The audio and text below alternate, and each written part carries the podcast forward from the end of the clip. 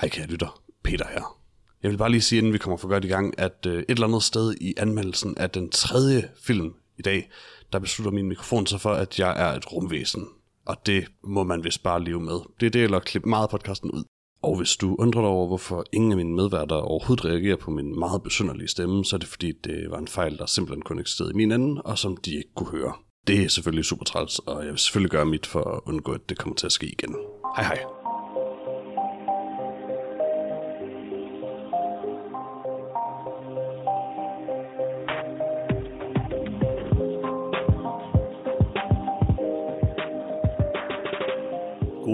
Tidspunkt, og rigtig hjertelig velkommen til en ganske særlig udgave af Noget om Film.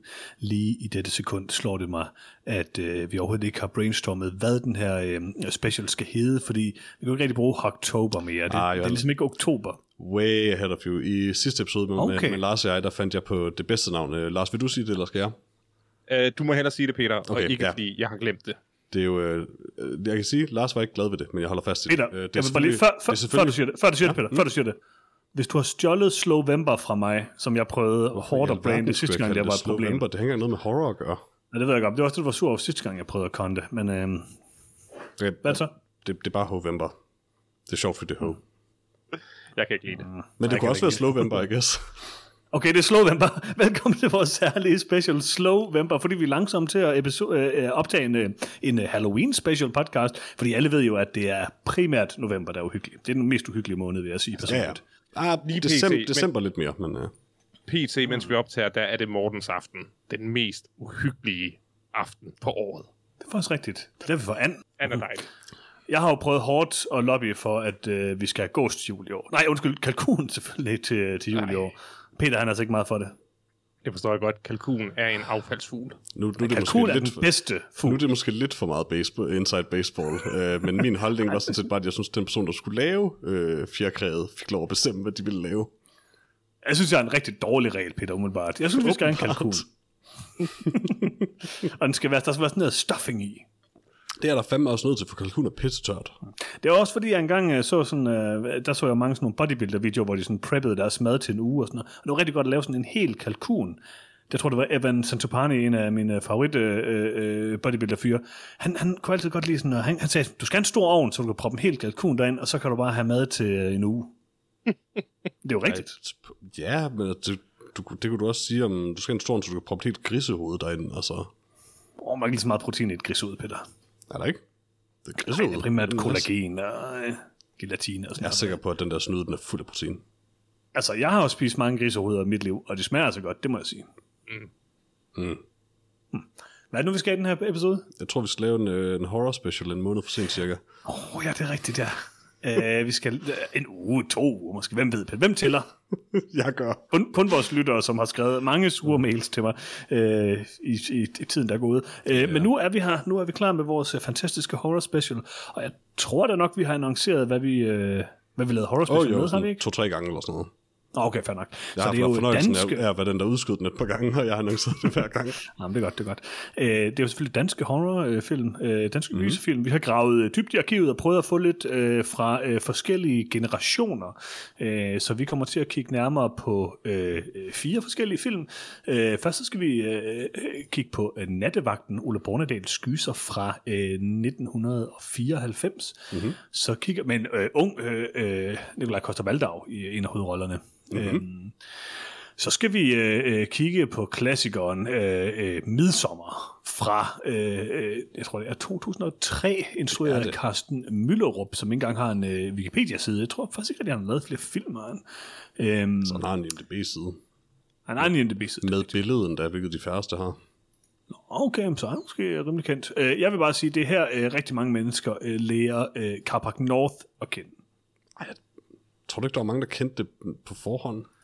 Jeg tror altså, at det blev sådan, at de Carpac allerede North blev super Det populær er det- gennem midsommer.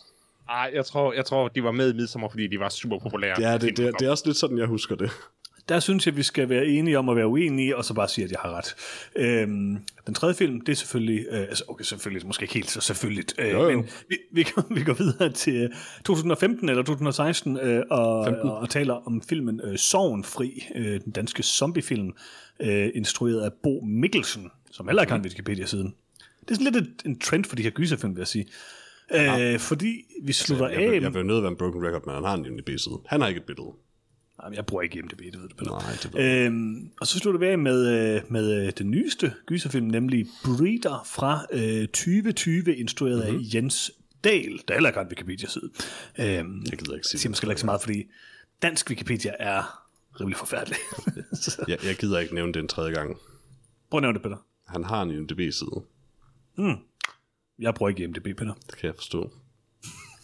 Okay, øhm, det er vores, øh, vores special her i dag. og Jeg, altså, jeg, jeg synes, der er lige vi i traditionen tro skal... Nå ja, Det er smukt. Det, det, det er smukt. Altså, det er jo faktisk dansk horror igennem fire årtier, det er det faktisk. som vi skal kigge på i dag. Det bedste er faktisk, at det sådan lidt sker helt af sig selv, fordi der cirka kommer en dansk ja. horrorfilm per Jeg årti. skulle lige til at sige det. Det er cirka hele puljen af Og danske der var ikke horrorfilm. rigtig nogen før nattevagten, sådan set. Så.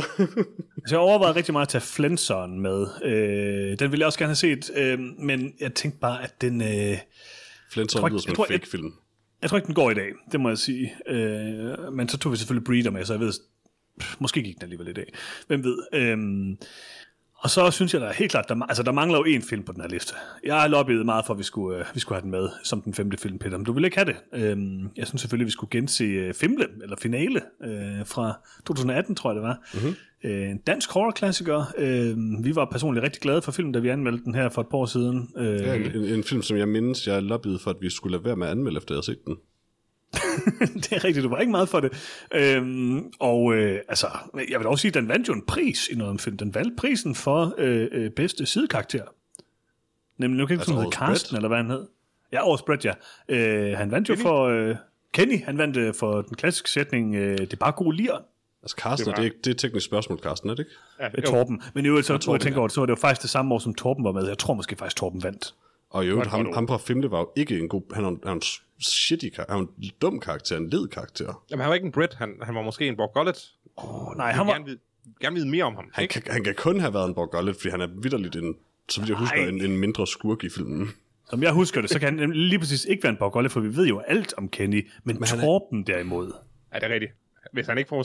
Jamen, der var, også ham, der var også ham, vi ikke fik ret meget at vide om, men der fandt vi ud af, at hvis han ikke fik... Han var sådan en, der godt kunne lide at få sine penge. Nej, det, Og, og så, synes vi ligesom, så synes vi ligesom, at vi vidste for meget om, Ja, ja, om. Kennys ven.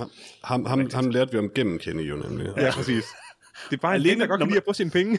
Det, noget af det mest interessante ved Kenny var noget, han sagde om en anden karakter nemlig. Oh, og at det var god lir. god lir. det. Det er bare god lir.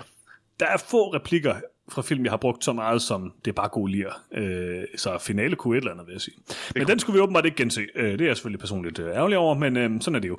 Øh, ja, jeg synes traditionen tro, Lars. Vi Ja. skal lige starte med at rammesætte, hvor du befinder dig, om der er noget uhyggeligt i dit rum, vi skal holde Ah, øje med ja. her igennem øh, episoden. Haunted Last Øh, Watch. Ja, ja. Øh, jamen, altså, jeg sidder jo på mit øh, hjemmekontor. Mhm. Øh, Er det et uhyggeligt hjemmekontor? det er helt mørkt. Okay. Mit hjemmekontor er alene oplyst af min computerskærm Ja, og en krystal, der står og skifter farve. okay. Hmm. Og Hvilken mit- funktion har den her krystal? Jamen, jeg Øh, tænker, magisk at beskyttelse selvfølgelig. Nå, Jamen, det er det, jeg tænker, fordi hvis denne her krystal, der står lige så stille og skifter farve, lige nu er den lilla, og nu bliver den lige så stille blå, og nu bliver den lige så stille grøn, så er nogle dejlige behagelige farver.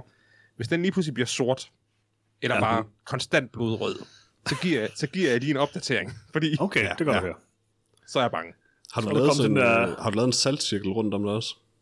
Øh, nej, for jeg kan tanke om, det er, det er mig selv, der gør rent på mit kontor. Ah, ja. så, ja. så jeg, jeg opdaget ud af at drysse salt rundt på gulvet. Det er nok meget jeg, jeg, jeg, jeg, jeg vil jo sige, altså, hvis, den, hvis det, den der krystal formår at lyse sort, hvilket jeg slet ikke ved, hvad det betyder, så, så skal du virkelig også øh, slå alarm, synes jeg.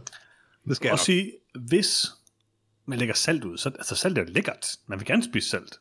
Ikke hvis man er en dæmon for helvede. Det er ikke, det er ikke fordi, de ikke vil spise det. det er fordi, de ikke kan krydse det. Det kan være, Ej, der det- kommer det en synes jeg hjort er lidt og, og slikker saltet op. Det er også lidt skræmmende. Ja, Okay, det er lidt skræmmende, ja. jo- Altså, Hjorte er også øh, kendt for at være sådan i, i altså, mm. samarbejder med, med dæmoner. De lede.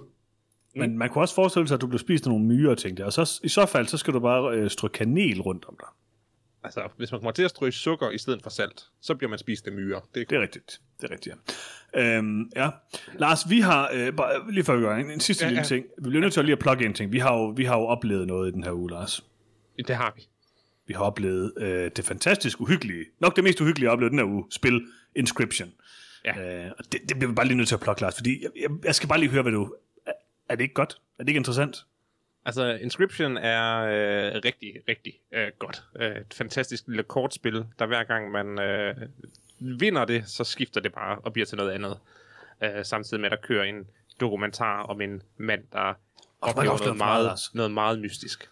Øh, Jeg øh, tror måske, jeg er halvt igennem det, og jeg har i hvert fald spillet det oh, Du spillede 15 timer, Lars. 15 timer. Ej, jeg troede kun, jeg spillede 10 timer.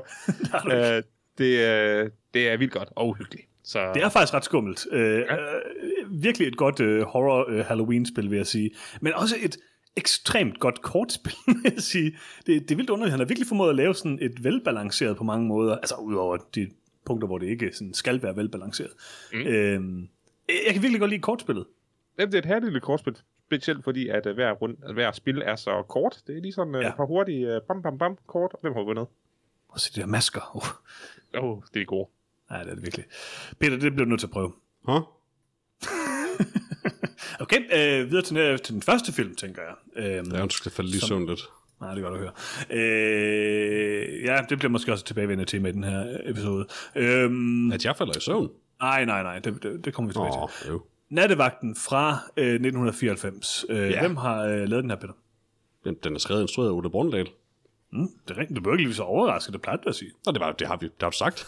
Nå, ja, ja, du vil lige det igen. Den er skrevet og instrueret af Ole Borndal. Og i hovedrollerne har vi Nikolaj Koster Valdau, Sofie Gråbøl, Kim Botnia, Lotte Andersen, øh, Ulf Pilgaard og Rikke Louise Andersson. Ja. Vil du have en opsummering? ja, det vil jeg, jeg vil gerne have en opsummering. Oh. Øh, så må vi håbe, at den her gang, der kan vi få en god dansk til engelsk til dansk øh, oversættelse fra IMDb. ja. I modsætning til sidste gang, hvor den var kedeligt ordentlig. Um, men som altid oversat fra IMDb, sikkert udmærket engelsk til sikkert også udmærket dansk af Google Translate. Og det lyder sådan her. En jurastuderende begynder at arbejde som nattevagt på Retsmedicinsk Institut i København. Hans gale ven får ham i gang med en tur, der eskalerer. Da en seriemorders ofre begynder at hobe sig op på arbejdet, bliver han mistænkt. Ja. Ja, okay. Okay, så hvad er jeres forhold til Nattevagten? Har I set den før? Ja, for længe, længe siden. Jeg har både set den for længe siden, og så tror jeg også, jeg har set den øh, midt imellem. Så en gang i 90'erne, en gang for måske 10 år siden, øh, og så nu igen. Ja, mm-hmm. altså, men udover at jeg har set den, så kan jeg jo sige, at altså, øh, jeg, synes, jeg, mindes, jeg husker den som god. Ja, og jeg husker den også som øh, god. Jeg tror, jeg har set den en enkelt gang. Øhm, nok omkring der, hvor den kom på DVD i 2000 eller sådan noget. Øhm, jeg er nok lidt for lille der i 94, der se den. Øh, men jeg husker den også som god. Øh, jeg husker den som øh, sådan rimelig skummel og rimelig sådan øh, æstetisk øh, interessant. Øh, er i hvert fald sådan mit, øh, mit meget fragmenterede minder omkring den. Jeg ved ikke, om jeg synes, den var sådan super duper uhyggelig, og den er måske også lidt... Jeg, jeg kan huske, før jeg så den her igen, at jeg tænkte sådan, den var lidt... Øh, let gennemskuelig. Det var sådan mit, nok mit, mit primære forhold til den, at det var sådan en rimelig klassisk dansk gyserfilm, som ikke var sådan vildt overraskende, men som havde nogle, nogle gode momenter. Noget af det, jeg altid har husket om den, øh, og det vil nok være et øh, tilbagevendende tema for mig i hvert fald i den her podcast, det er, at jeg husker den som den danske gyserfilm, der faktisk ved, hvad, hvad for en genre gyserfilm er. Det er rigtigt. Og Ole Bornedal kan til tider være rigtig god. Øh, han har jo helt tydeligt nogle, øh, nogle super øh, øh, interessante øh, øh, ting, han, han gør i nogle af hans film. Jeg synes også, der er nogle af hans film, hvor han øh, virkelig sådan... Øh, syrer fuldstændig ud, og det bliver sådan meget øh, bizart. Øh, men for det meste er, er han interessant, en interessant instruktør, vil jeg sige, og nogle gange er han rigtig god.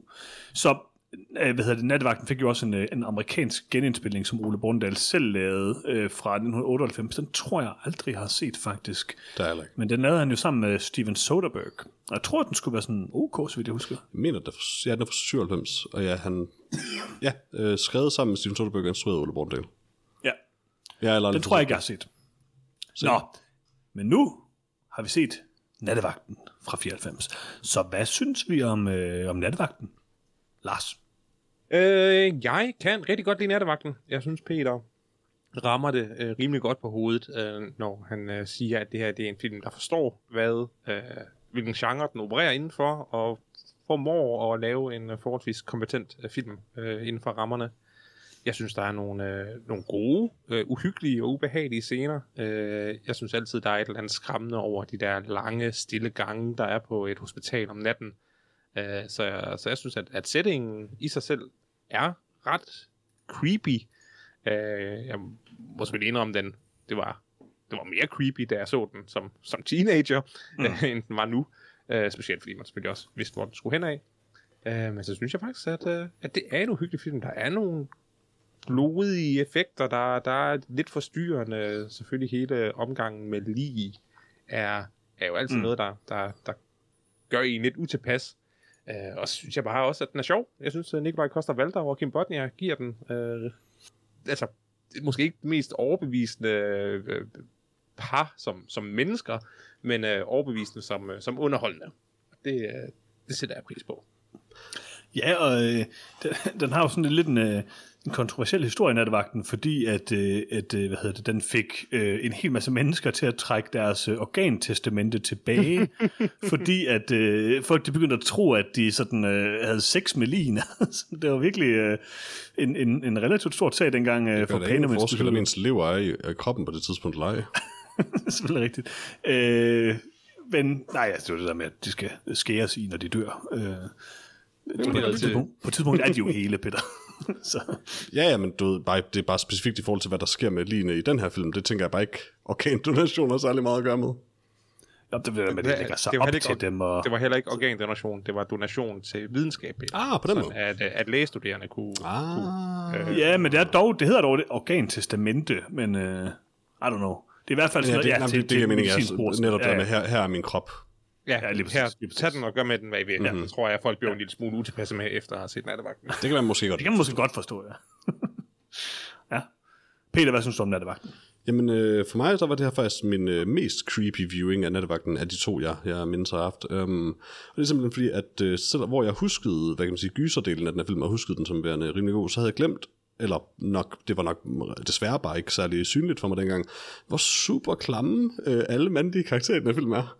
um, og hvor voldsomt usympatiske alle hovedpersoner på nær kvinderne er. Og det, altså, det er ikke så meget, fordi du ved, det er sådan, ah, det er stødende eller noget som helst, men det er sygt kedeligt at se den her lille film, og den udgør ret meget af den faktisk. Så jeg gik faktisk fra filmen med sådan en lidt sådan øv-fornemmelse, fordi jeg havde glemt halvdelen af den, som jeg så ikke kunne lide. Mm. Og det er helt skrevet også, øh, den altså dialogen er med undtagelse af øh, den sådan ret hyggelige metadialog, når øh, Nicolai Costa-Walders karakter taler om at være med i en film og sådan noget. Og i det hele taget, dialogen, der har med horror-delen at gøre, det, altså det, det passer fint i genrefilmen, men sådan, den der sådan drengerøvsdialog er sådan meget svær at høre på, for det er så fucking akavet. Men de spiller det jo et rigtig godt øh, til gengæld, skuespillerne. Det er jo meget en anden tid, kan man sige. Øhm, det er det. En værre og, tid. På nogen måde hver tid, jeg tænker også, men altså, det er i hvert fald en, en lidt mere uoplyst tid. Øhm, men sådan er det jo med, altså det er jo, den er jo næsten 30 år gammel, den her film, øh, efterhånden. Ja, men øhm, det, det, er jo ikke, altså, man kan sige, øh, altså når man ser noget, så ser man jo altid den kontekst, som ja, ja. det nu er, når, når man ser den, så, så det har jo bare ændret sig for mig. Jeg synes ikke nødvendigvis, det gør noget for filmen, fordi filmen er, handler om en masse ubehagelige ting, og der er også i hvert fald, øh, i hvert fald en anden film i den her special, som er sådan, øh, handler om nogle rimelig ubehagelige ja, ting. Ja, ja, nej, det er slet ikke... Øh, det er slet ikke, fordi jeg siger, det er toppen af det her, er det på den måde. Nej, nej, men jeg mener bare, at det er sådan, altså, for mig at se, så er det ikke sådan noget, der, den gør det jo ikke sådan nødvendigt. Jeg tror ikke, den gør det for at være sej nødvendigvis. Sådan, det indtryk har jeg ikke nødvendigvis. Den, den, den er rodfæstet en tid, de mandlige karakterer er, som de er, og det er med til at skabe det ubehag, der er i filmen. Det, det tror jeg sådan set også, det var dengang øh, på et eller andet plan i hvert fald. Og der er den meget, meget øh, vigtige Ulrik Thompson-scene. Uh, ja, altså alle scener mod altså, i alle film. Mit problem med det er egentlig mest, at jeg, altså, udover jeg synes, det er sådan, hvad kan man sige, uh, cringe, eller hvad man skal kalde det, mm. så, uh, så synes jeg også bare, at den del af filmen er dårligt paced, og, og der er for meget af det. Det er ikke så spændende i forhold til selve horror-aspektet. Hmm. Altså personligt synes jeg stadigvæk, at Nattevagten er en rimelig god film. Den, den er rimelig 90-agtig, men jeg, kan godt, jeg har en svaghed for de 90'er gyser, som vi også så sidste år. Jeg ved ikke, om jeg synes, den minder helt vildt meget om specielt mange af dem, vi så sidste år. Det var der, hvor, hvor vi havde mm. det 90'er tema. Men til gengæld, der, den kan godt minde om nogle af de andre ting fra, øh, fra 90'erne øhm, nogle af de her hospitals-thrillers, og der er også ja. elementer af sådan noget riget og sådan noget i den her, ikke? Øhm, det, det, der er så fedt ved den er jo egentlig, og det er det der med, at Ole Brundt nemlig ved, at det her det er en genrefilm, og genrefilm opererer inden for ja. regler og troper og sådan noget. Altså, det, at han vælger øh, hvad man siger, den setting, han gør øh, med retsmedicinsk afdeling, og det her med at være nattevagt, altså det, det er så ekstremt ja, menneskeligt, og den frygt, man, bare, altså man med det samme kan forstå, allerede på hans første vagt, er bare universel på en eller anden måde. Og den er super godt kommunikeret, og det er en vild fed setting. Han, han filmer den mm. vildt godt også mm. til det. Um, så altså alt det i filmen, altså, og det er ikke fordi, det er en dårlig film, alt det i filmen, synes jeg er, er fremragende, sådan set, især for sin tid for, dan, for dansk film. Mm. Altså, Og så vil jeg også sige, i modsætning til måske visse andre af filmene i den her special, så synes jeg, at skuespillerne gør det ret godt i den. Øh, ja, det er et vildt godt cast. inden for rammerne. Altså, det er et super godt cast. Øh, Ulrik Thomsens karakter hedder Bølle, det kan jeg godt lide personligt. Mm-hmm. Øhm, Stig Hofmeier er med, øh, Kurt Løfqvist, og altså Bart Oversen. Altså, der er nogle, nogle fede sådan, uh, sekundære øh, skuespillere, men jeg synes, at Nikolaj Koster gør det rigtig godt øh, i hovedrollen. Jeg synes, Kim Bodnia er god, og Pilgaard også øh, er god øh, på mange måder i hvert fald. Og så kan jeg godt lide øh, soundtracket bedre, end også. nogensinde er noget som helst andet i den her film i hvert fald. Det er nok rigtigt. Men er også en, smart, en meget atypisk rolle for ham, kan man mm-hmm. sige. Øhm, og det, det er måske derfor, det fungerer. Jeg synes, det fungerer okay i hvert fald. Jeg tror, det fungerede. Det, det element, jeg ved hvor meget vi skal spoile nattevagten. Det, Jeg synes, ikke, jeg, jeg, spoil. synes, jeg synes ikke, vi skal spoile den, fordi den her film er faktisk Ej, okay. så gammel nu, at der er, Ja, det er masser rigtigt. af vores lyttere, der True. måske bare aldrig har set den. Af Det er meget sandsynligt, egentlig. år- år- årstallet. Øh, og jeg tror, vi alle sammen i bund og grund anbefaler den. Ja, det, Øh, det, og den det gør jeg helt sikkert også. Ja, og den her film, den er klart bedre, øh, når man ikke, altså, mm. man behøver ikke at vide, øh, hvad twistet er, eller hvad, Enig. hvad, hvad, hvad tinget er. Øh, så, så nej, jeg synes ikke, vi skal spoil den. Jamen, det, det synes jeg er god pointe. Det er et godt twist, synes jeg, og det fungerer mm. godt. Jeg tror, det fungerer bedre i kontekst af, hvornår filmen er fra, øh, af ting, jeg så ikke kan tale om. Men øhm, mm. alligevel, så synes jeg, det fungerer ret godt i dag også. Øhm, og så som sagt, jeg synes soundtracket er cool. Øh, Sort Sol har jeg det sådan lidt blandet med. øh, da jeg var ung, var der var på efterskole og sådan noget, var det sådan, alle elskede Sort Sol. Øhm, og Sort Sol har nogle cool ting, men jeg synes, de fungerer godt til øh, mm. nattevagten. Øhm, De var, de var gode før, de var sort sol. Nej, det synes jeg ikke. Det synes jeg ikke. Det var, det var elendigt, før det var sort sol. De var, de var gode, da det var sort sol i perioder, hvor det var sort sol, vil jeg sige. Øhm, De, de, de kunne noget med noget stemningsmættet musik, og det synes jeg var, det synes jeg passer rigtig godt til den her film. Ja, Og så har, øh, Sots var med til at etablere dansk punk, og det synes jeg er vigtigt. Det er, det er vigtigt. Punk er bare noget bras. Hey, hey, Men, hey, øh, hey, hey. Der udspringer rigtig mange gode ting af punk. Jeg gider ikke høre punk personligt. Øh, Sten Jørgensen har en god stemme. Nå, så nattevagten for mig. God film. Øh, stadigvæk god film. Jeg vil sige, jeg synes, den er altså, lige så god, som jeg husker den. Øh, ikke en af mine yndlingsfilm overhovedet, men øh, en stærk, øh, ret velfungerende film af en dygtig instruktør. Helt sikkert. Øh, og jeg synes stadig, det er en af Ole Brundals bedste film. Jeg ved også, i forhold til det med skuespillerne, øh, jeg er sådan set enig, at alle er gode i den. Nikolaj Costa Valdau er charmerende i den, men det er også meget, især nu hvor vi lige har set smagen og sult og sådan noget, man kan tydeligt mærke, at Nikolaj Costa Valdau er super ny i det på det tidspunkt nærmest. Altså, mm, mm. Det er meget sådan stift, og det passer fint til karakteren, men, men han er bare slet ikke den Nikolaj Costa Valdau, vi har nu. Og det er sådan set fedt nok at se, at han er kommet så langt også. Men han fungerer også i den film. Men Kim Bodnia, øh, som jeg mindes også vandt en pris for sin rolle i den film faktisk, er vanvittigt god. Um, Ja. Altså, vi, vi skal huske, det, det, her, det, er, det her det er gennembruddet for både Nik, Ja. øh, øh, mm-hmm. Nikolaj Likos og Kim Bodnia. ikke for Nikolaj Likos, tror jeg, men Jo, han, øh, han har ikke lavet noget øh, Nikolaj Coster-Waldau? tidligere.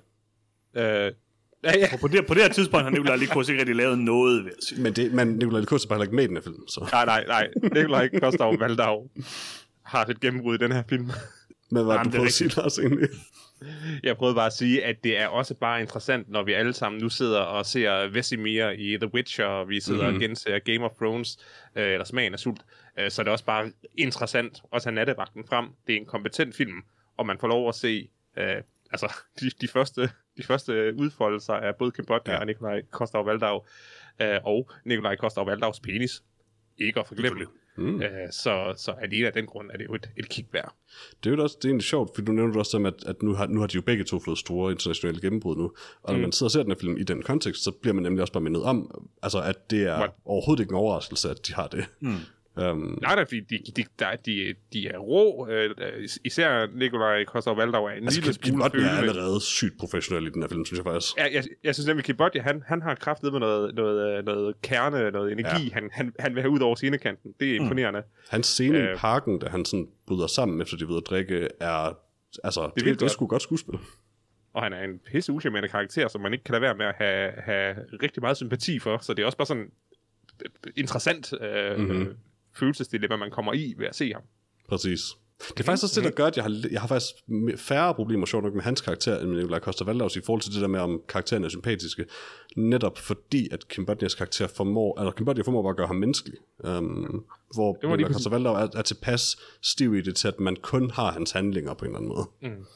Det var lige præcis min pointe med, at en, en karakter kan godt være et kæmpe røvhul, Ja. og man stadigvæk har sympati for ham, fordi man føler smerten, og man har med livet, med livet Ja. ja. Snakker vi om Nobody igen nu? altid. Oh, nej. Øhm, jamen, jeg ved ikke, om jeg har så meget mere at sige om nattevagten. Nej. Øhm, jeg synes, det er en stærk film. Øh, god brødkniv. et godt sted at starte med det her special. Mhm. Og øh, lad os se, om øh, det kan gå op ad bakke herfra, øh, eller at blive bedre. Øh, det, det, er en, det, det er en høj bar at sætte, vil jeg sige. Mm-hmm. Øh, i- især med, med tanke på, hvor gammel filmen er med de problemer, den så også har i forhold til Er det, er det i vores specials, er det i vores specials, at vi har bedste scene og værste scene? Det er det. Ja, det, er det. Og, og rangering til sidst. Jeg kan godt starte med min bedste scene. Ja. Øhm, altså for mig, så vil jeg stadigvæk sige, at jeg tror måske, der er nok lidt nostalgisk øh, forbundet med det. Men for mig er det Twisted. Øhm, det var en af de tidligere Twist-film, jeg så, tror jeg. Øh, og det er godt. Det er ikke super overraskende, især ikke når man ser det nu, og selvfølgelig ved det. Man kan godt, man kan godt begynde sådan at, at se nogle ting øh, forme sig. Men i mit unge øh, sind, øh, da jeg så den første gang, der synes jeg, det var et stærkt twist, mm-hmm. øh, som fungerede godt og, øh, og, og drejer filmen i en anden retning. Så det er det. Altså jeg synes også, øh, den der scene, du nævner, Peter, med øh, Kim Bodnia, er, er rigtig, rigtig god. Øh, mm-hmm. Generelt synes jeg, der er rigtig mange gode scener i, i nattevagten. Der er også, jeg kunne også bare valgt nogle af de der korridorscener. Altså, der er mange fede ting i det, men for mig er det Twisted, der, der er det bedste. Ja. Øh, nu kunne, altså jeg, kunne, jeg kunne godt vælge Kim Bodnia-scenen, men det ville virkelig udelukkende være for hans skuespil. For udover det, synes jeg, scenen er sådan en anelse dårligt stillet op. Mm. Øh, men hvad hedder det, helt klart for mig den bedste scene, det er hans første vagt alene, starten af den specifikt, øh, hvor han går fra super creepy til bare at sætte musik på og sidde og ryge smøger. Um, mm. Det er bare en sygt fed scene, synes jeg. Mm. Meget, meget relatable, nemlig med sådan, hvad fanden gør man i den situation? Man gør lige præcis det der for at forsøge at komme igennem. Jeg tror, at, øh, at min yndlingsscene, øh, det er nok også den scene, der jeg har haft med mig i bagagen, lige siden jeg så filmen første gang. Øh, så, så derfor en, en stærk scene. Øh, og uden at spoile, så vil jeg bare sige, at, at, øh, at det øh, drabet, man ser, øh, det, øh, det er iscenesat på en så interessant og, og mm. min, øh, mindeværdig måde. Øh, skuddene er, er af, af hendes fødder er stadigvæk noget, der sådan, Mm-hmm. som jeg stadigvæk tænker tilbage på, øh, og har, har tænkt over lige siden jeg så filmen første gang. Øh, jeg synes bare, det er, et, det er et rigtig velskudt drab. Meget det- tragisk. Og den passer sygt godt ind, nemlig også i genretrupperne. Altså, mm. det, er jo, det er jo helt, altså, man sidder og tænker selvfølgelig på ting som Psycho og sådan, altså det der måden, man skyder den slags på i mm. slasherfilm eller sådan et eller andet, det er, jo, det er jo tydeligt, at Ole Borndal ved, hvad han laver der, kan man sige. Netop, det, det, det fungerer bare. Det er, en, mm-hmm. det er en god scene. Punktum. Helt enig. Ja. Er der en der har en øh, værste scene? Jeg har en. Må jeg springe direkte til det? Jeg bliver nødt til at kalde øh, Ulrik Thomsen og Kim Bodnias øh, meningsvæksling på et værtshus ud. øh, og det var en scene, der har ellers øh, virkelig dårlig. Øh, den mængde af homofobiske og racistiske øh, termer, der bliver brugt på, en, øh, på et 30 sekunders klip, øh, Mhm. det, hører, det hører til i 94, det hører ikke til længere. Øh, det, fik mig, det fik mig virkelig til at krumme tæer. Øh, Og der, og der er intet af det, og der er intet af det i scenen, der er på nogen måde essentielt, Nej. Nej. heller ikke jo. der, der, det, det er ikke en pointe, at de er Nej. homofobiske, og det er ikke en pointe, de er racistiske. Det er bare øh, et eksempel på hård hverdagstone, Ja, hvor man bare sidder og krummer til og tænker, ej, ja, det var fandme sådan, vi snakkede i, i 90'erne, og puha. Ja det er også en af grunde til, at det er ubehageligt. Det der med, at Ja. man, man ser det for første gang og tænker det, og sidder sådan lidt, jeg kan ikke lade mig tænke, ved, sådan, hold kæft, jeg var egentlig bare sådan blind eller ligeglad for Altså, altså, de der jeg- ting før i tiden. Jeg tror, hvis jeg havde anmeldt den her film i 94, så kunne det have været min yndlingsscene. Præcis. Mm. Øh, for, fordi den er sådan lidt, øh, jeg ved ikke, om man kan sige Tarantino-esk med, med den måde, Ja. de snakker på, og den, altså dialogen, der er sådan skrevet på en interessant måde, kan vi sige det på den måde. Øh, men det er bare en virkelig ubehagelig scene i, i dagens Danmark. Ja, Men jeg tror, vi alle sammen har den scene som den værste Nå, scene. okay. Det har jeg også. Altså, Ja. går ud at du også har, Peter. ja, ja, det var det, jeg ville have valgt. Men, Ja, ja. Men det, det, er, det, er det, helt, altså, det er helt sikkert også den scene for mig. Men man kan også sige, der kan jo på nogen måde, hvis man skal se det positive ting, det skal man jo nogle gange, så kan det jo også være en god scene på nogen måde, fordi den faktisk viser, hvor langt vi har flyttet os. Mm. Øhm, Ja. Fordi at det er jo rigtigt nok, som du siger, Lars, altså i den tid, der ville man jo bare sidde og tænke sådan, åh, oh, det er bare, det er sådan noget cool dialog, som de har skrevet, hvor de virkelig prøver at være edgy og sådan noget. Altså, og det gjorde man jo meget dengang, og det var noget lort, og det var ikke okay. Øhm, Og det gør man jo altid. Det, det, er jo, det er jo netop bare det med, hvad man skriver rykker sig, heldigvis, kan man sige.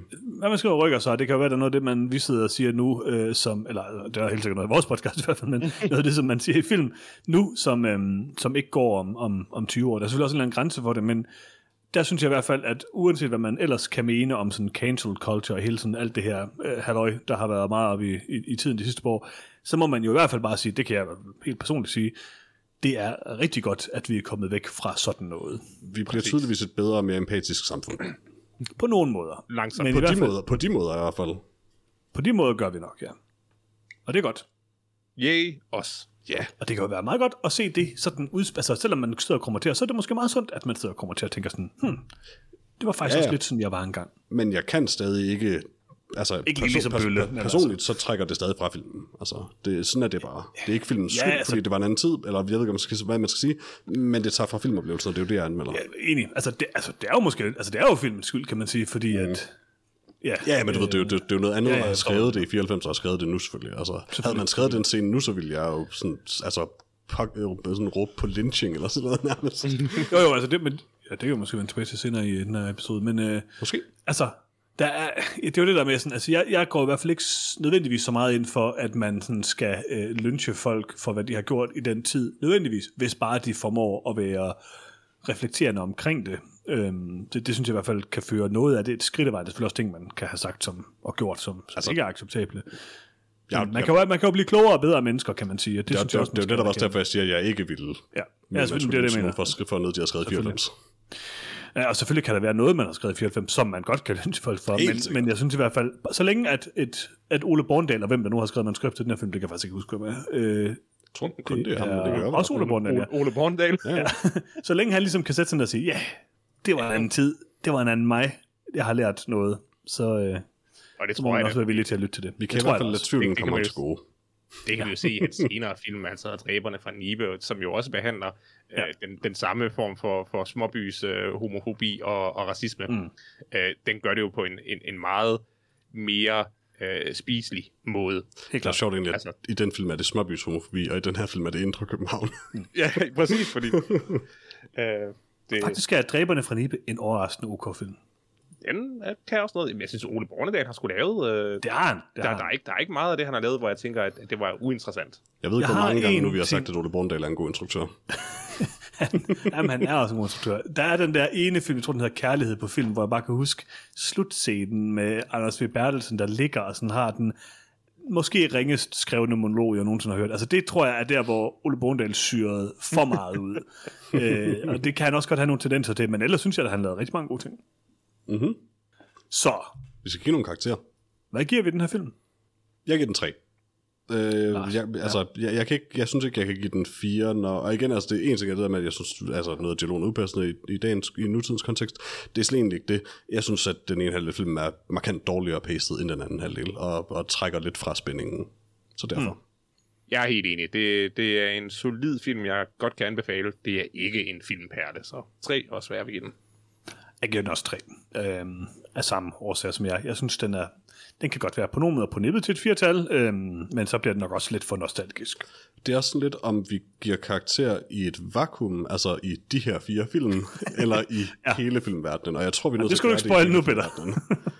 Det skal du ikke spoil nu. Jeg plejer at prøve at gøre det i forhold... Jeg, prøver, jeg plejer så vidt muligt at prøve at gøre det i forhold til alle film. Øh, Ja. Der er jo altid faren for, at man bare giver fire film i træk, fire stjerner eller en stjerne eller sådan noget, men øh, nu må vi se. Nu må vi se, nu må vi se. Det kan være alle film for tre. Måske. Det gør, det gør de ikke.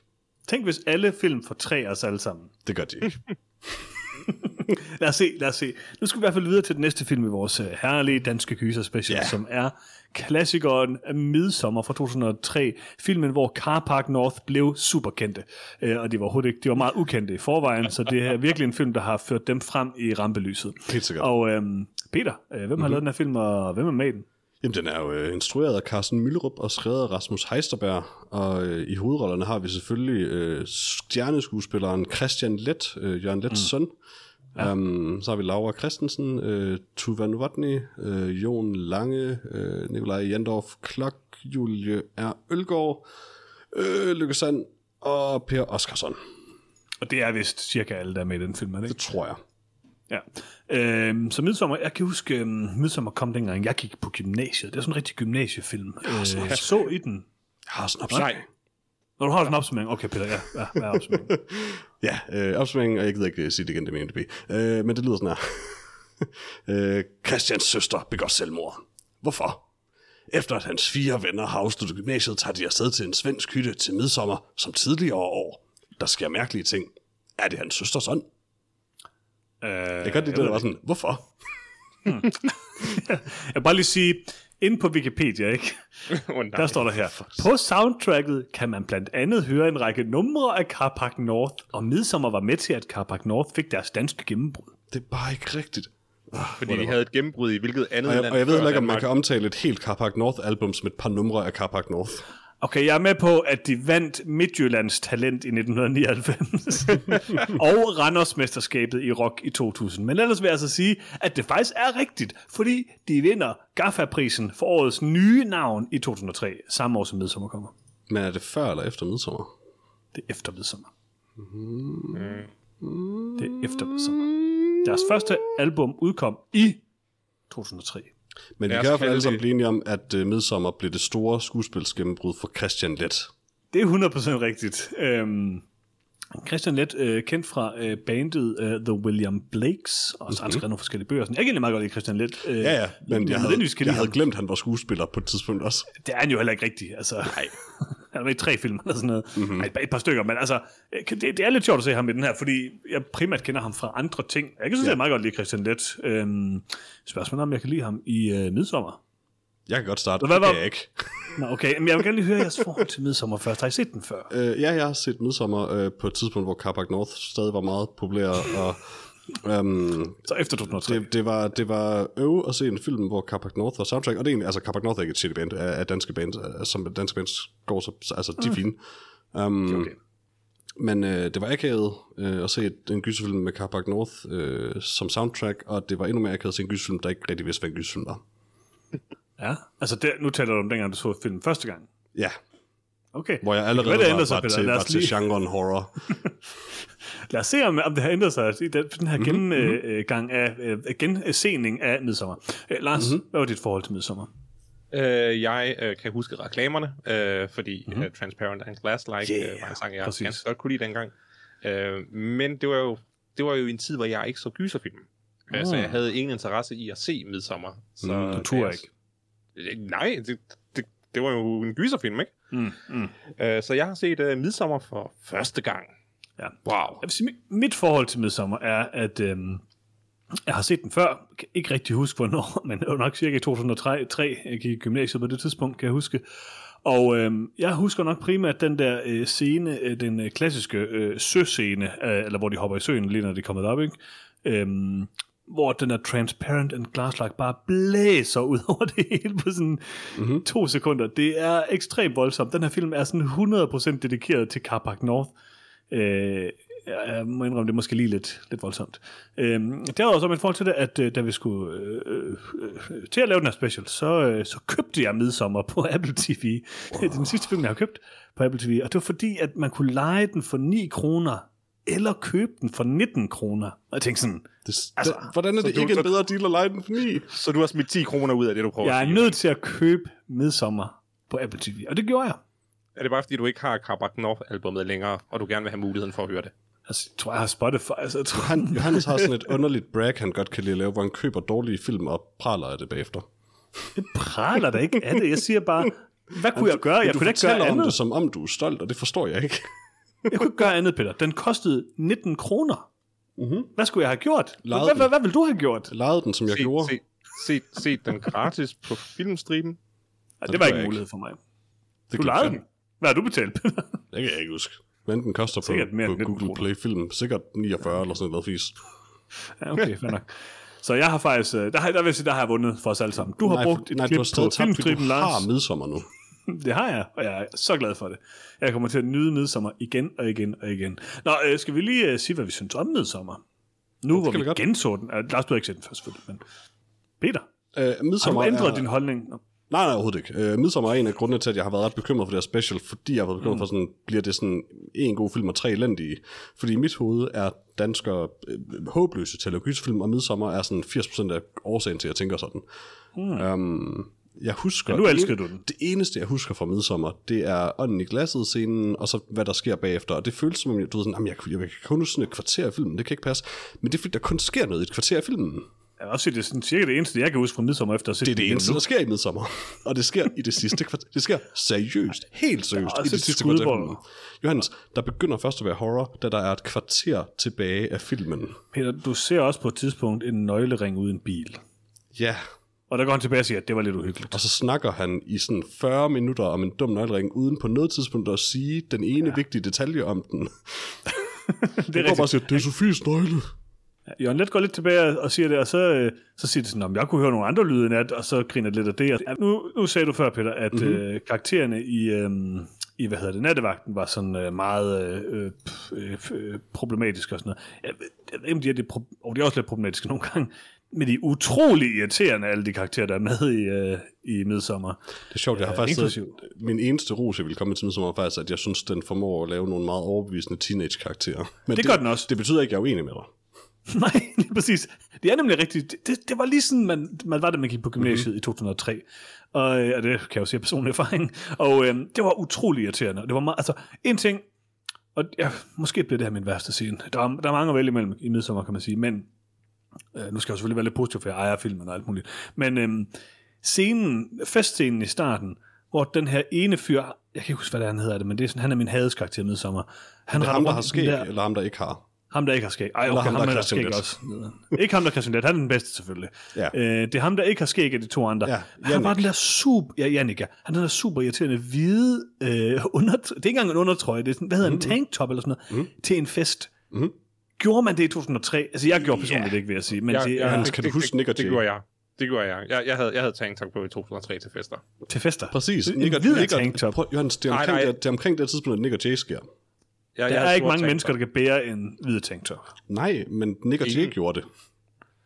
Men der, der, der vil jeg også sige, der, der er en forskel her. Det vi, vi er nødt til at dykke lidt dybere ned i det her, ikke? Fordi Mhm. mm-hmm.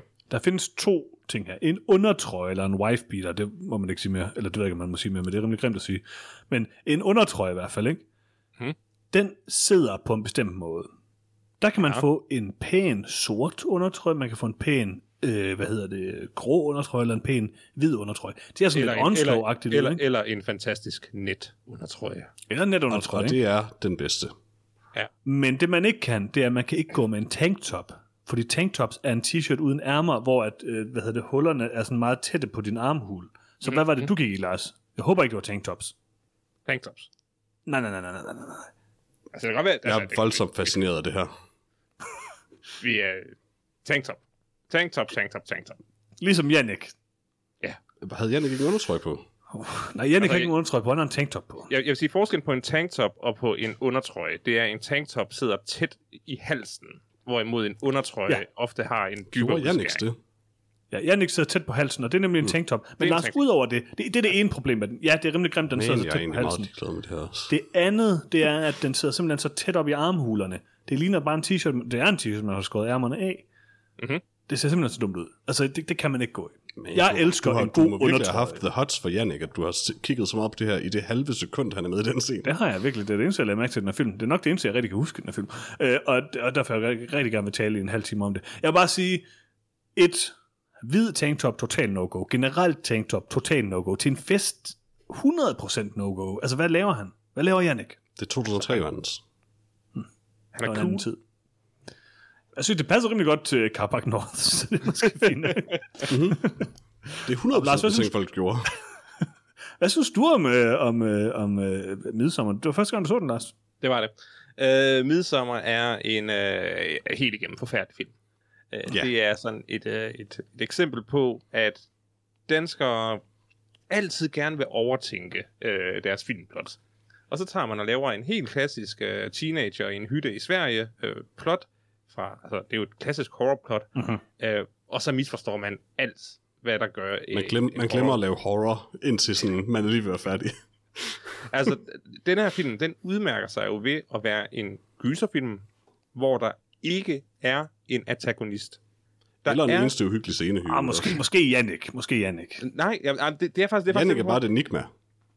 Der er ikke nogen øh, ond kraft i den her film. Der er ikke nogen skurk i den her film. Der er ikke noget som helst, der truer den på noget som helst tidspunkt.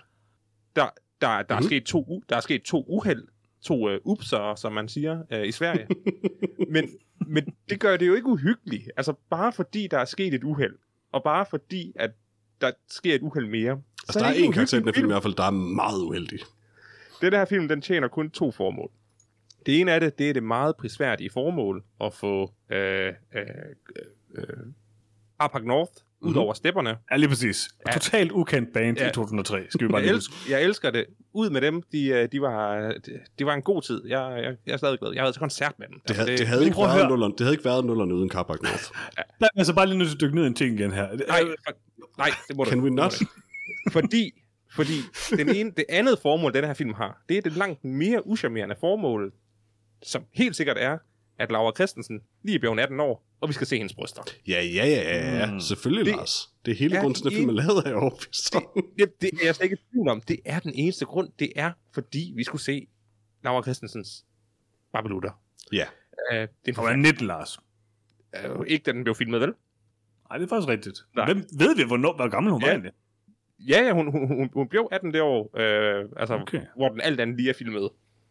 Altså, jeg har ikke obsesset sådan specielt meget om det, over det her, men uh, Det har jeg, fordi jeg synes, Laura Christensen er en rigtig smuk kvinde. Jeg kan godt lide hende. Jeg synes, hun har lavet rigtig meget godt. Uh, og hun har også lavet nogle gode ting uh, før det her uh, i Strisser på Samsø, for eksempel. mm-hmm.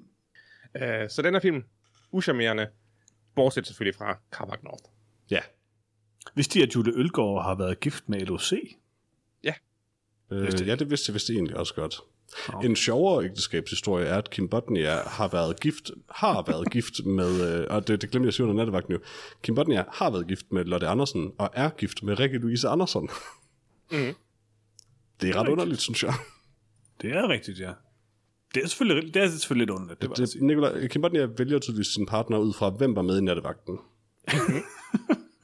Hvordan med du din partner, Peter? Det er også... Pff, Altså, jeg har Altså, altså, jeg har- prøvet med Ulf Pilgaard, men uh, with no luck indtil nu. er selvfølgelig rigtigt. Kim Bodnia, fremragende skuespiller, det må man bare give ham. Øhm, Det samme kan jeg Jeg ikke sige synes- Christian Let. han er udmærket. Jeg synes, Nej, Mark er nej, lidt en antagonist i den her film, ikke? Mark er en Nej. lort. Øh, Mark er den eneste relaterbare karakter i filmen. problemet med Mark, Ma- Mark er faktisk et, et ret godt udtryk for øh, det helt store problem med, med Midsommar, som er, at du, det er en instruktør, der har antaget, at jeg kan godt lave en horrorfilm, og skrive en horrorfilm og sådan noget, eller hvad man også altså, øh, Men det kan de ikke, fordi de forstår ikke rigtig genren tydeligt, ikke rigtigt, fordi Mark er den her sådan klassiske karakter, der er i sådan en gruppe i sådan en film her, som er den usympatiske. Det, de bare helt lidt har misset, er, at man er nødt til at have en redeeming quality ved ham, så man forstår, hvorfor han er med i vennegruppen, for ellers virker skæg, det underligt. Og Mark har har ingen skæg. redeeming qualities. Han er bare Han træls. han kan gro et skæg. Så Mark's redeeming quality er, at han er 30 eller hvad? Jeg kunne ikke gro et skæg, da jeg gik i gymnasiet, Peter. Hvis jeg, jeg kunne tror- gro sådan en skæg, men så havde jeg også været med i en Jeg tror, vennegruppe. jeg tror, Mark er meget gammel i forhold til at gå i gymnasiet. Det kan, jeg vil sige, Mark kan altså heller ikke gro et skæg, vil jeg lige sige. Nej, ikke. Men udover det, udover det, så var han altså kun Peter på det her tidspunkt. Hvis vi nu skal gå efter den her Laura Christensen skala, som Lars går er efter, ligeglad, jo. så var han altså kun 22 på det her Det er tidspunkt. fint. Men det, det, det er stadigvæk Christian sådan, at. Mark bare ikke er en cool fyr. Altså, han er ikke sådan mega shitty. Han er bare jævnt irriterende, og aldrig rigtig andet end det. Jeg synes, det er imponerende, I at Christian Leth Jannik, som er så mystisk, at jeg stadig er lidt besat af ham. Jannik er mystisk. Og det, altså det der klip, hvor han, øh, den der scene, hvor han øh, vælter det der rødvin ud over, øh, hvad hedder hun nu, øh, Anja. Det er meget klodset. Meget. Jeg ved, Lidt for klodset, det jeg meste det, jeg ved faktisk ikke, hvad Jannik vil på noget tidspunkt. Jamen, han har tænkt op på. Og det skal han bare lade være med. Altså, sådan, Christian Let blev ved med at fortælle mig, at han gerne vil score øh, Lin, men det har jeg ikke fået noget andet sted fra en Christian Let, føler jeg, i den her film. Mm. Jeg føler ikke, Jannik har givet udtryk for noget som helst. Jeg tror, det er der, du skal ind og høre nogle øh, af de her The William Blakes album, Peter. Du kan forklare, altså, du vil for, forklare det meget i, i teksterne. På, Så du siger, øh, for at, eksempel. at jeg skal endnu en gang have det at vide af Christian Let, i stedet for Jannik. Ja, lige præcis. Jeg tror, du skal høre The Way of the Warrior fra 2010, Peter. Men det, det er bare det, jeg synes er så fascinerende ved karakteren Jannik, at han er faktisk forholdsvis meget med, men jeg føler aldrig, han giver udtryk for noget, han vil, eller noget nok som helst. Han er der bare. Jamen, jeg vil gerne lige lidt længere tilbage i den her samtale, fordi Godt. som jeg sagde før, så vil jeg godt dykke ned i noget, Lars. Ah, fuck. Mm. Der er i den her, altså der er to ting, der er meget nulleragtige i den her film, ikke? Det ene har vi talt om, det er Vi tanktoppen. vi, vi kan ikke tale mere om den i hvert fald. Jo, det, ikke, ikke tanktoppen, jeg, jeg er videre fra tanktoppen, Peter. Thank God. Det andet er teknisk set noget, der overhovedet ikke er med i Midsommer. Ah, cool. Men det er alligevel lidt med i Midsommer, fordi Car Park North, ikke? Øh, uh-huh. kendt band, der bliver kendt øh, fra øh, Midsommerfilmen, der øh, øh, øh, spiller Lav Højen, han spiller jo øh, øh, på den her, øh, øh, eller han synger, han synger i bandet, ikke? Sure. Men jeg kan huske, da, han, da Car Park North kom frem, der spillede han også på det her lille keyboard, der lignede en guitar. Kan I huske det? En guitar. En guitar. Og jeg hader guitars. Det er det værste instrument. Mm, Altså, det er ikke noget piano i hvert fald. altså, være en rumsterstang. Det, hvad er det? hvad er det? Det er sådan lyder en godt. træstang med, med, en, med en tromme på og, en, og et bækken. Lars, altså, det den, lyder den op lyder rigtig god. Det er noget, du lige har opfundet, ikke, Lars? Nej. Det lyder godt. Rumsterstang. Guitar er et pissefedt instrument. Ja, det er et gøjlerinstrument. Okay, en rumsterstang er virkelig fed, vil jeg sige, Lars. Hvorfor skulle den være en, en Guitar er det sejeste instrument. guitar? Nej, jeg hader guitars. Jeg kan Kun, bare over, huske, jeg så... igen, kun overgået af piano tag. Jeg kunne egentlig meget godt lide øhm, Transparent Glass, Glass Like, da Carport North ligesom kom frem. Det en ganske udmærket sang. Kan jeg huske. Det er det. Men så spiller han på den her guitar, det ødelagde lidt det hele for mig, det vil jeg bare sige. Og kæft, det er den der rumsterstang. Ja, det er en ret det er et herligt instrument. Sådan en skal jeg klart have. Jeg skal bygge mig min egen, tror jeg. Ja. Hvorfor er der ikke en man rumsterstang med i midsommer? Hvorfor? Det er også, det er jo, for at vende tilbage til filmen, det er jo også egentlig helt vildt underligt, at filmen bruger sådan, jeg ved godt, den gør det for at have twist, men den bruger vildt meget tid på at lægge op til, at Pearson er super creepy, for så sådan at lave et twist, som uden så rigtig at adressere det, gør Pearson til en super tragisk og sympatisk karakter, men bare, altså sådan, den er stadig skidt på Pearson helt indtil da, men den gør ikke rigtig noget for sådan at sådan, gøre det godt igen med ham. Han er der stadig bare. Og han er stadig rimelig klam egentlig. Altså, Per Oscarsson er jo også sådan den eneste rigtig kendte skuespiller, der er med i den her film. Men det er sådan lidt, selvom, selvom han sådan set er et offer, så han, altså, han går stadig ind i deres hus og står der og spiser den der tomat rimelig creepy. Jeg tror, det, jeg tror du, scenen i, hvad hedder det, um, The Call Out of Space er sådan et callback til den her scene, Peter. Hans, jeg har allerede lykkeligt glemt sin Call Out of Space, men nu kan jeg huske den selvfølgelig svært. Og nej, det tror jeg Nice, desværre ikke. nice. Ah, det er lidt ærgerligt. Jeg har, øhm, jeg ved ikke, om jeg har så meget mere at sige om Midsommer. Jeg synes, den er Nej. dårlig. Der er Carpark Altså- North, den er kedelig. Ja.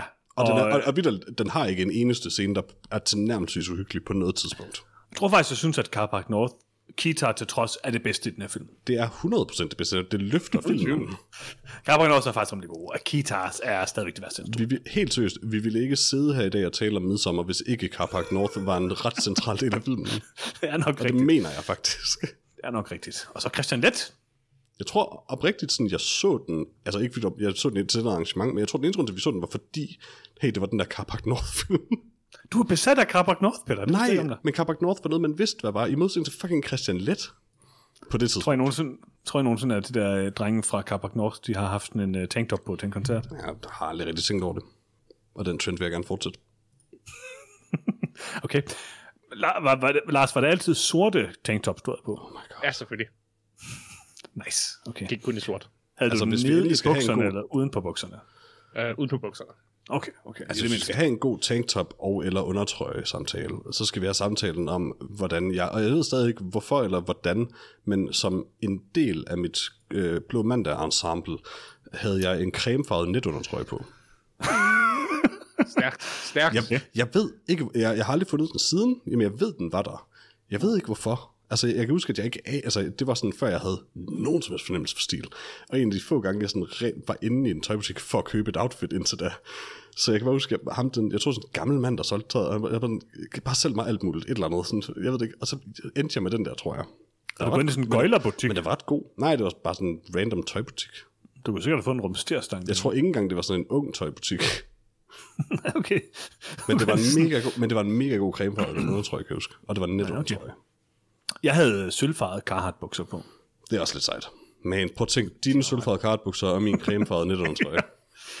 Så havde jeg jo Hvad bare havde, været... du, hvad havde du på, Lars? Uh, jeg havde, jeg tror mit eneste par Levi's uh, 501 jeans, jeg nogensinde har haft. Uh, havde Hvorfor jeg var du sej?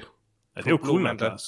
Og så havde jeg sikkert en, uh, en ej, jeg tror, hæt, hættetrøje, det var fandme, jeg, jeg var på blå mandag før hættetrøje fandtes. Øh, så jeg havde nok bare... Det er jeg ikke overbevist om. Et- Jeg havde nok en sweater på. Mm. Ah, det var Ja, jeg ved, det er en, en, en, en, en rullekrav. Jamen, Jørgens, altså hætte tror jeg var ikke opfundet nu, som du kan forstå. Ej, Sagde du en sweatshop? Jeg havde en, en, en sweatshirt. uh, jeg tror, hæ- hættetrøje, hættetrøjer kom sådan lige omkring uh, 8, måske 7. I starten af 80'erne måske, eller sådan noget. Nej, nej, vi snakker Holsted, Peter. Vi snakker jo ikke... øh, 70'erne måske endda, eller sådan noget. Altså, Nå, det ja, jeg kender, det jeg tænker, når jeg tænker Holsted og Blå Mandag Lars, det er trompetbukser og en Hawaii-skjorte. Jeg er ret sikker på, at jeg havde trompetbukser på til min blå mandag. det, kan, det kan jeg godt stå. Nice. Jeg havde sådan en fløjlsblæser på. Det eneste, jeg ikke huske, var, der, var, var, hvad der var mellem fløjlsblæseren og, og netundertrøjen, men jeg ved, der var noget. Okay, her synes jeg lige, vi er nødt til at få afklaret en, en, en væsentlig ting her. Ikke? Mm-hmm. Hvilket årti er det mest behagelige tøjårti? Øh, det nuværende for mig. Faktisk. Mm, Det eller er- tierne. Det er svært. Men tierne havde, så mange, tierne havde for mange skinny jeans, og de er bare... Altså, de så cool nok ud, men øh, jeg er sådan set overhovedet ikke mod skinny jeans, men de er ikke særlig behagelige på. De er ikke så behagelige, men det strammer lidt om med nunkerne, må man sige. Men altså, der var jo øh, 90'erne, øh, slut 90'erne, start 0'erne, der havde man rigtig meget hængerøvsbukser. Det var rimelig, rimelig behageligt. De var bare lidt Nej, tunge, nej, og de nej, nej, faldt jo nej. ned. Ja, præcis. Det er overhovedet ikke behageligt. Det er ikke behageligt. Det var ikke sådan- Hele tiden at så gå som en and, for ikke at tage bukserne. Det gjorde vi Som man allerede vil har tabt, fordi ens, hele ens røv er allerede blottet. Der er sådan et meget tyndt lag af satin under bukser mellem ens bagdel og resten af verden. Jeg vil sige, at slut 80'erne, start 90'erne, der var joggingsættet jo kongen. Og er der er, ikke, der er ikke noget, der er meget mere behageligt end et joggingsæt. I ren polyester. True. Okay, der er noget, der er mere behageligt end joggingsæt i ren polyester, vil jeg sige. Der er Det tror jeg, det tror jeg ikke. Jeg kan ikke forestille mig. Blandt andet mit nye sweet øh, joggingsæt i 100% bomuld, økologisk bomuld, som jeg lige har fået, som jeg er ved at vaske. Jeg kan bedre lide Lars' 80's polyester. Øh. Tak, Peter. Tak. Ja, okay, okay.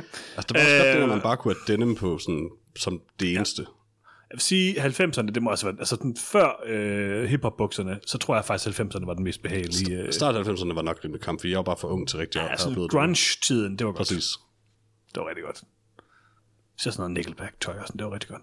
Vent. Hvad? Ikke lige Nickelback-tøj. Du siger, især grunge-tiden i start 90'erne. Især Nickelback. Var det ikke med? øh, Start, jeg tror, det, det var nogle af de... Start Sådan, 90'er grunge band. jeg tror, det, var med til at starte hele... Det, sammen Ja, med Puddle of Mud, ikke? Nickelback og Pearl Jam, altså det var mest dem. Ja, Puddle of Mud Også dem, og ja. Creed og sådan noget, ikke? Faktisk ikke Soundgarden og Nirvana skængel, men Pearl Jam var der, Ah. øh, og så er det så Puddle of Mud og Nickelback. Okay. Og så kom Creed lidt senere. Ja, det var sådan i, Okay. i slutningen af grunge-tiden. Mm. Det var krist, kristen grunge var sådan lidt sent i det. Oh, man, vi har slet ikke snakket om det nye Limp Bizkit-album. Det behøver vi heller ikke, Jørgens. Men jeg er faktisk lidt taknemmelig for, at du er her til at køre os ud af 40 tangenter, fordi vi har ikke særlig meget at sige om midsommer, så vi er Nej, der er nok ikke. Jeg siger bare, der er den underligste grunge-sang på det nye Limp Bizkit-album, som hedder Barnacle, hvor Fred Durst starter med at sige, at den her sang er dedikeret til alle barnacles out there. Og så synger han sådan den værste Puddle of Mud-sang. For- den er... Det er det mærkeligste album, jeg nogensinde har hørt i mit liv. Der er en god sang på. Jeg forstår bare stadig, hvorfor du har hørt det. Det var Limp Bizkit. Jeg skulle lige høre det. Ja, det, præcis. Det er fordi, jeg elsker Wes Borland. Wes Borland er oprigtigt en af de bedste guitarister overhovedet. Det er bare lidt synd, at han primært laver Limp Bizkit, men hans egne solo-ting er jo sindssygt god. I don't care. Wes Borland er genial. Uh, hvad giver vi midsommer? Øh, en. Vi er nødt til at have så bedste værste senere, men lad os bare starte med karakteren den gang. Nå ja, det er rigtigt. Jeg kunne ikke være mere enig. Forfærdelig film. En. Altså, den får en bare fordi, at, at der er en person, der er tentativt, øh, eller bare en lille smule perfekt øh, tilkoblet den her film, der spiller på en guitar, så derfor får den også en. Øh, men ud af det er det også en rimelig dårlig film. Øh, hvad er jeres yndling? Nej, jo, jeres værste... Nej, undskyld. Hvad er jeres yndlingsscene i Midsommer? Min yndlingsscene, og altså, det er faktisk lidt det her. Min yndlingsscene er lige præcis, da Jan kommer til huset. Øh, sådan 5 sekunder stillhed, og så øh, Julie Ølgaard, der siger, er det, det er så snyd, jeg sidder i midten, og så bare sådan hammer der Carpark North derudad. Og Mark er nøgen så hurtigt.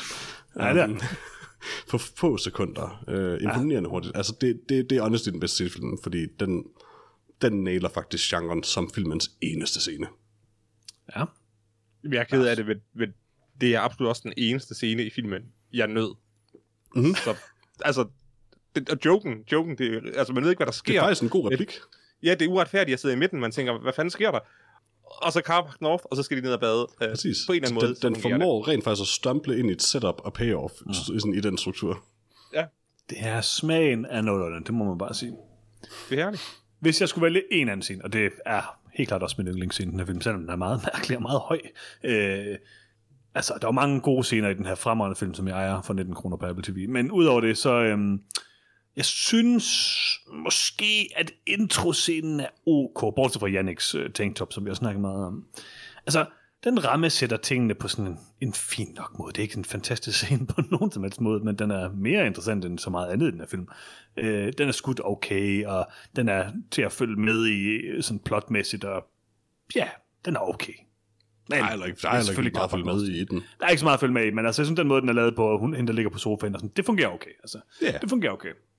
Jeg sige, efter at have set den her film, så mindede, altså Midsommer minder mig helt vildt meget om de der, øhm, jeg kan ikke huske, hvad de hedder, øh, hedder de Ready at Dawn, dem der laver det der Until Dawn-spil, Peter, og øh, Man of, hvad hedder det nu, øhm, de der gyserspil på Ja, Playstation. jeg, jeg har kun spillet Until Dawn, og så Ja, altså Man of Medan og sådan noget. egentlig, mens jeg spil spillede minder det, spillede noget, jeg sådan blevet træt af det. Ja, men den, men den lidt. altså specifikt Until Dawn minder meget om Midsommer, og, ja, øh, men det er jo fordi, det rent faktisk er den genre, Midsommar forsøger at være. Og basically handler om det samme på mange måder. Det er fordi, det er en genrefilm jo. Ja, men det er det, det er det, men, øh, men det, var, det, var, det var noget af det, jeg lagde mærke til, da jeg så den sådan, okay, hvor meget minder det her lige om deres spil? Det er lidt underligt. Men øh, Den fik mig konstant til at tænke på Cabin in the Woods, hvilket, altså selvfølgelig gør den det, fordi Ja, ja, ja. Cabin in the Woods er en satirefilm over specifikt den subgenre. Ja. Um, men det, det, tjen, det gør ikke noget godt for Midsommar, den får mig til at tænke på Cabin in the Woods, som er en legit sådan, øh, mange tusind gange bedre film end det her. 100 procent. Lars, Hvad? din værste scene? Jeg ved det ikke. Jo. Øh, Jeg ved det heller ikke egentlig. Scenerne med, med, med nøgne Laura Christensen, de er ubehagelige. Nu er du mm. Mm. Første scene. Åh, oh, øh, øh, spooning. Det var bare akavet. ja, okay. Det behøver jeg ikke se. Altså, jeg har nævnt en af de værste scene, det der, hvor han øh, skubber sin rødvinsglas, som får rødvin under og, og trøjen, det bare... Det er bare ledet. Siger Jannik. Og ledet. Og, men det er bare sådan lidt, det er sådan en underlig scene, fordi det virker som om Jannik, han sådan bliver oprigtigt helt vildt ked af det. Sådan over, åh, jeg skulle Jamen, altså, Jannik virker som om, han er cirka lige så skæld som en toårig. Altså, Ja, men det virker bare som om, Jannik, han virker ikke som sådan en, en shitty fyr på det tidspunkt. Han er bare sådan lidt sådan... Jannik er ikke shitty. Jannik, jeg, jeg, Uh, jeg, er jeg, tror ikke, Jannik er det, noget. faktisk. Det ved jeg ikke. Jannik eksisterer ikke rigtigt. Øh, og det fungerer selvfølgelig ikke så forfærdeligt godt. Så det var, det var et bud øh, på, på, på værste scene for mig, vil jeg sige.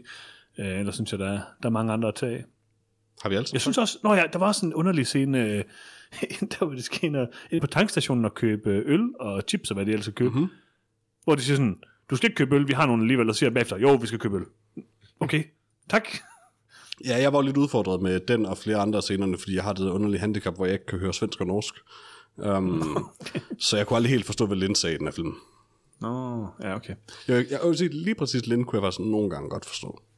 Jeg synes måske også godt, at jeg for mine 19 kroner rent faktisk kunne have fået undertekster til den her film. Altså, der er undersøgelser i den forstand, at jeg, jeg mener, at man kan, faktisk kan subtitle Lind, for det tror jeg, jeg gjorde på et tidspunkt. Ja, men det kan man ikke på Apple TV, og det er meget skuffende. Det kan også være, man ikke kunne. Det kan være, at jeg tænker på smagen af sult, hvor jeg fandt ud af, at jeg kunne subtitle Frederik, som jeg ikke forstod, hvad sagde. Ah. På et tidspunkt, mens jeg, det, det talte jeg ikke om, da vi anmeldte den, men i løbet af smagen af sult, der var der et tidspunkt, hvor det gik op for mig, at Frederik var ret plot øh, central, så jeg var nok nødt til at forstå, hvad han sagde. Og jeg så satte undersøgelser på og gik tilbage i filmen. Er smagen af sult god? Ja. Den Ja og nej. Og den er også rigtig dårlig. Men den Det, er, det, det, det er en god film, men den er øh, problematisk på nogle måder, som ikke nødvendigvis er helt tilsigtet, men stadig rimelig Okay. meget. Hmm. Lidt ala en forfærdelig kvinde. Ah, Men bare ikke, måske ikke helt så meget med vilje. ja, okay, okay. Nå, øh, Peter, havde du sagt din værste scene? Det har jeg nok. Okay. Jeg gider ikke sagt pænt så I hvert fald. En anden, en anden værste scene er helt klart, at der ikke er nogen rumstersang med, øh, stang med i Midsommer. Det er lidt skuffende. Der er faktisk en, men den er svær at se. Det er faktisk den der antagonisten, den står bare sådan over Kim. Bodnia står bag med den i skoven på et tidspunkt. Åh, oh, jeg vil gerne se en film med Kim Bodnia. Kim ret- med en det havde faktisk været ret rumstersang. Ja, det havde faktisk været rimelig hyggeligt. Nå, øh, næste film på programmet, det er øh, den danske øh, zombiegyser Sorgenfri fra øh, 2016. 15. Og øh, ja, altså den lavet i 15, udkom i 16. Øh, Ifølge, Så. ifølge MDB udkom den i 15. Men det er okay. men det gør den ikke. Øh, den har premiere, dansk premiere i den 31. marts 16. Den har nok været på en filmfestival eller et eller andet. Altså. Men ja, det er også ligegyldigt. Øh, 15-16 stykker et eller andet sted derimellem, ikke? Øh, Peter, hvem har lavet Sorgenfri, og hvem er med i den? Jamen, den er både skrevet og instrueret af Bo Mikkelsen, øh, og i hovedrollerne har vi Benjamin Engel, øh, Truls Lyby, Mille Dinesen, Ella Solgaard, øh, Marie Boda, Michael Birkær og Therese Damsgaard. Det er vist det, cirka. Og øh, har du en lille opsummering? Det har jeg. Øh, og den lyder sådan her. En familie på fire er i karantæne i deres hjem, da en virulent del af influenza spreder sig ind i byen, og de er tvunget til det yderste for at flygte i liv. Var der nogen... Er der... Snakker de om influenza på noget Nej, tidspunkt? det gør det ikke. Det gør det ikke. Okay, cool nok. Bare en virus. ja. Og ikke sådan specielt influenza-agtige spoiler, I guess. Nej, nej. Jeg plejer ikke at blive til en zombie, når jeg får, når jeg får influenza i hvert fald. Ja, det, det er det mening om, Peter. Øhm, hvad er jeres øh, forhold til Sorgenfri? Havde I set den før? Nu er vi Jeg så tæt ikke- på... Jeg vidste ikke, den fandtes, inden vi sluttede special af mit forhold til den. Nej, jeg har ikke set den før. Altså, jeg har tit tænkt på at se Sorgenfri, for den har været på Netflix i lang tid. Jeg vidste, det var en dansk zombiefilm. Den er blevet kaldt den første danske zombiefilm. Øhm, er mange. Jeg har egentlig haft meget lyst til at se den.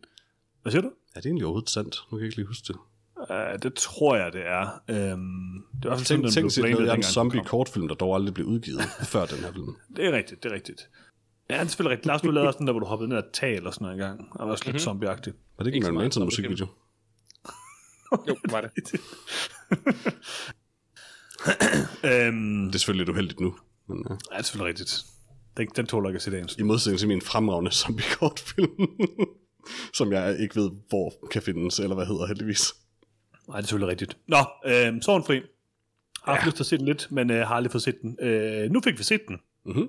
Og det er som sagt en øh, zombiefilm, og øh, det ved jeg ikke, skal jeg lægge ud? Det kan du. det. Godt.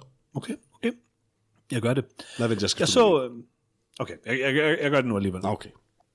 Jeg vil sige, at det jeg primært lader mærke til i Sorgenfri er selvfølgelig, at øh, Michael Birkær øh, altid har lignet øh, Klaas Bang utrolig meget. Og det gør han også i den her film. Og det kan jeg godt lide.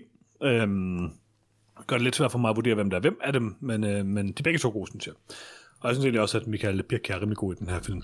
Og øhm, jeg synes egentlig, at Sorgenfri er sådan for det meste vedkommende ganske udmærket. Den, øh, den er ikke noget, nogen sådan fantastisk øh, oplevelse, men den er sådan æstetisk ok, og der er nogle, nogle sådan rimelig øh, gode scener i den. Og jeg tror måske, noget af det her handler også om, undskyld, nu lige for en tus i halsen, Det, det er bare, fordi det er så rørende jo. Lige præcis.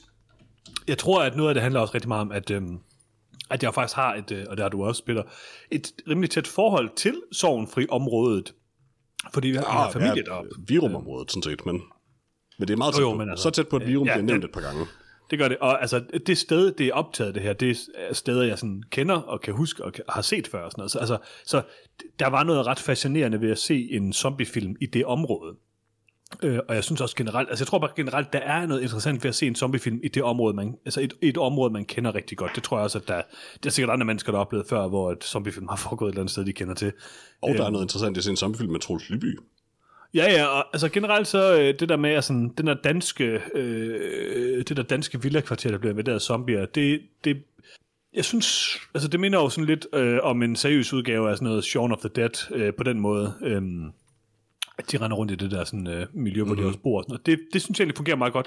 Og det er helt klart det, som jeg synes er det bedste ved filmen. Derudover synes jeg, at den har nogle æstetisk meget gode ting. Den har meget få zombier, sådan rigtige zombier, før til allersidst. Og der er ikke sådan så meget... Øh, sminke og makeup, som der er i så mange andre zombiefilm. Det der er, er rimelig okay, synes jeg. Øhm, primært den gamle dame.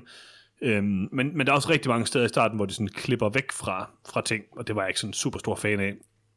Den er rimelig tilforladelig, den her film, synes jeg. Og, øh, og så synes jeg, der er nogle sådan subplots, der ikke sådan er specielt god hele tiden, det der kærlighedsplot, er heldigvis ikke sådan noget, der bliver, det bliver ikke sådan taget op til sådan en, altså hvor man kan sige, Midskrum er jo på mange måder sådan en romantisk øh, teenagefilm også. Mm-hmm. Så, øh, så er det ikke tilfældet sorgenfri. Kærlighedsforholdet er ikke specielt spændende, men det bruges dog primært som katalysator for det her zombieplot. Altså, jeg ved ikke, øh, jeg synes, at øh, jeg synes faktisk generelt, at Sorgenfri fungerede bedre, end jeg lige havde øh, forventet. Øh, der er nogle meget gode ting i den. Den er... Øh, jeg synes, slutningen er okay. Jeg synes, at øh, meget hen vejen er okay. Og øh, så synes jeg faktisk, at den også er rimelig interessant at se i sådan et coronaperspektiv. Øh, det er jo lidt sådan altså, det er lidt interessant at se sådan en karantæne, øh, udgangsforbud, slash, øh, øh, hvad hedder det, øh, virusfilm. Altså, jeg sad, i Danmark. jeg sad flere gange og tænkte, at det ville være fedt, hvis man havde brugt så mange ressourcer på vores lockdown. det Hvis de havde sådan kommet med gevær og holdt folk inde i deres hus, det mega fedt. Og givet os noget mad og sådan noget. Ja, og Øh, vand. Lidt vand. Men inden vi kommer længere, Hans, så vil jeg... Jeg har, været, jeg har været ved at dø efter at høre mere om, hvordan Michael ja. Birkkær og Klaas Bang ikke er til at kende fra hinanden overhovedet. På trods af, at de er meget langt fra at ligne hinanden. Jeg synes, det ligner hinanden lidt, det må jeg sige. Øhm, det har jeg altid, synes, jeg har altid De er tænkt, de begge to lidt... pæne. De er begge to flotte mænd, det kan være, det er det, der er tilfældet, ikke? Vidste de, at Michael Birk er 63 år? Øh, jeg har aldrig over, jeg har aldrig tænkt over, hvor gammel Michael Birkkær er, men nu ved jeg det. Han holder sig altså godt, det må jeg sige. I suppose. Hmm. Jeg tror, det er det, jeg har den at sige er om... også fra 2015, så han er ikke et par 60 i den her film, skal du tænke på. Det er også rigtigt, det, det, det skal man selvfølgelig lige huske. Jeg ved ikke, hvordan han ser ud nu. Klaas Bang, til gengæld, han er en flot mand. Klaas Bang er smuk. Altså, han er jo øh, altså, gudskæv til menneskeheden. Det er rigtigt. Nå, men jeg tror, det var det, jeg øh, ville sige om Sorgenfri. Jeg synes, den var udmærket, rimelig tilforladelig, havde nogle gode elementer. Øh, sjovt at se en zombiefilm, eller interessant at se en zombiefilm i Danmark, mm. interessant at se den i et coronaperspektiv. Øh, enig sådan set også. Øh, jeg vil sige, Sorgenfri, Sorgenfri nok ikke til dens fordel noget at gøre mig excited i starten af filmen, fordi jeg, jeg havde set Midsommer som den sidste film, øh, jeg havde Mm. set, og Sorgenfri starter ud med at ligne en rigtig film, og ligne en film, der faktisk har nogenlunde forstand på, hvad for en genre den øh, laver. Um, desværre så når Sorgenfri også at blive kedelig. Øh, ikke midsommer kedelig, men, men den, den gør lidt nogle af de samme fejl, og faktisk også som, det er faktisk gennemgående for nogle af de her film, eller for de tre i hvert fald, at den bruger for lang tid på at dvæle ved karakterernes indbyrdes drama, øh, hvilket aldrig er andet end en katalysator i de her film. Og altså måske netop derfor, så, altså, eller måske der er en grund til, at de aldrig aldrig er andet end katalysator, fordi det er super kedeligt, og det fører ikke nogen steder hen, det drama, den dvæler ved. Um, måske lige med undtagelse af Pernille Dinsens karakters øh, sådan meget dårlige forhold til at fortælle sin datter om død og sådan noget, som formår at fungere rimelig godt sådan i kontekst. Um, og det giver også en god scene i filmen senere. Sådan, um, men sådan Troels Lybys forsøg på at være far til den her forfærdelige dreng, øh, Gustav, er jeg dybt uinteresseret i. Og jeg er så uinteresseret i, hvor creepy Gustav er, når han sidder og kigger på sin genbo, og hvor, Ja, meget, han gerne, sige. og meget, hvor meget han gerne vil have bukserne af hende.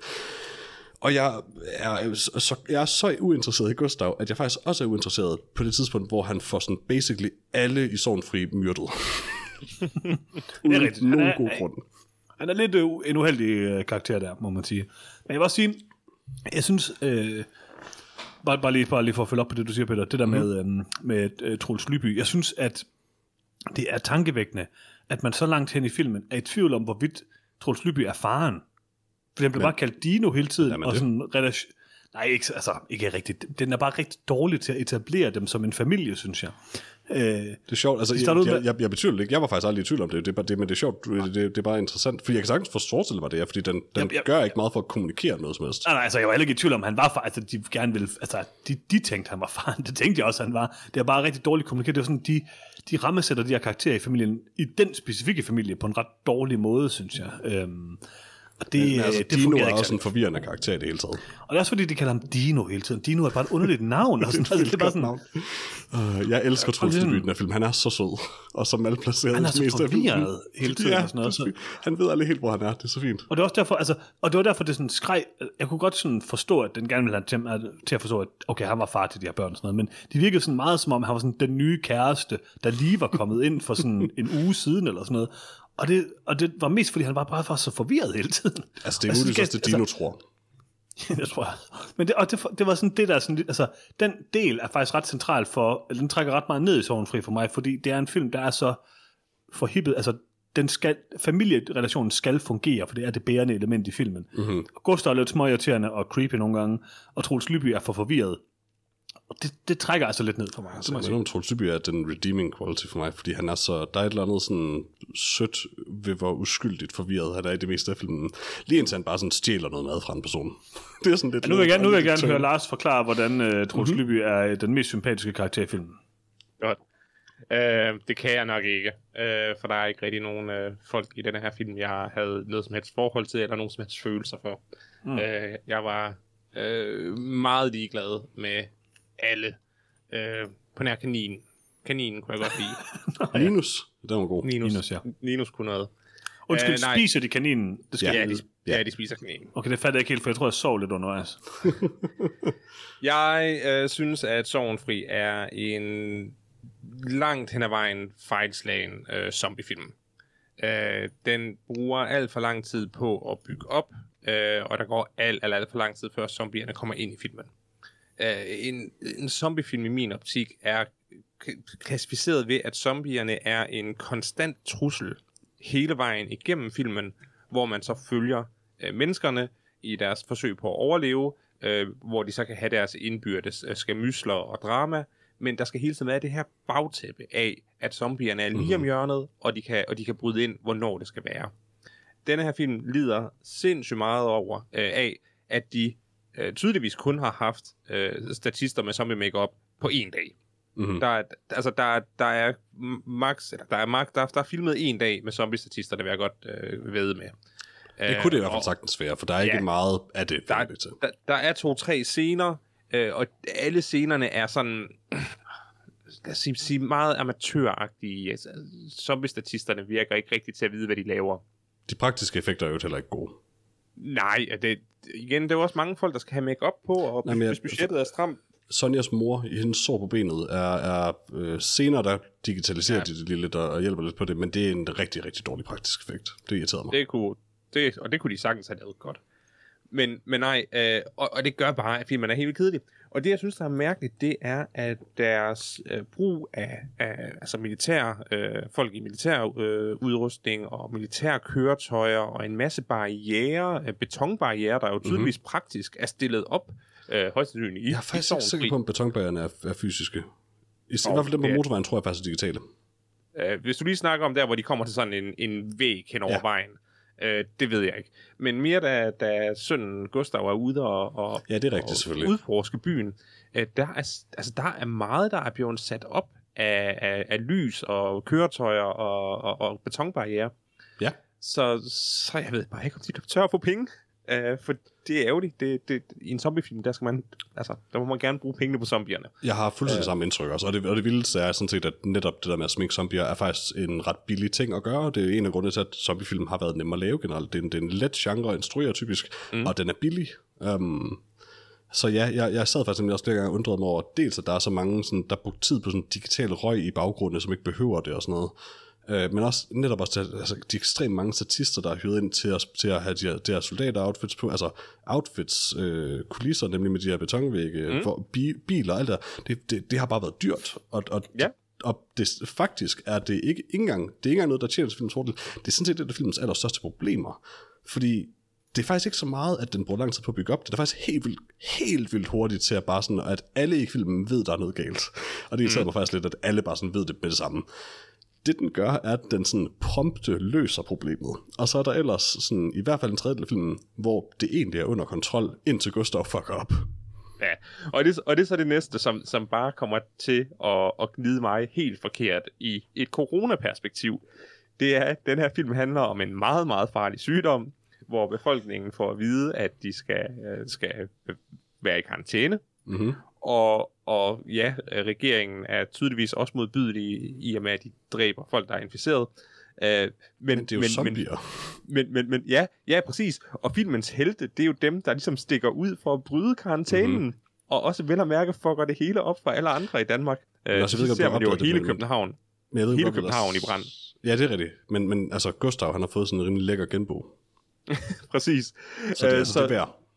Så filmen kommer også bare til, øh, for os, der nu har, har sat ind, og hvad vi har gjort de sidste par år, øh, hvor man bare sidder og råber af skærmen og siger, sæt jer nu bare ned mm-hmm. og Mhm. spis jeres hare, og så kom over det. Sådan, nej, vi skal ud, og vi, de skal ikke bestemme, vi skal blive her, og sådan, Ja. åh, hold jeres kæft og bliv hjemme. I øvrigt, i, i løbet af speci- særligt uh, Gustavs uh, underlige flugtscene, um, der får man faktisk sådan rimelig meget indblik i sådan, i sådan en procedure inde på den der skole, de har gjort til, øh, hvad kan man sige, uh, karantæneområder, mm, fandme alle uh, koncentrationslejre.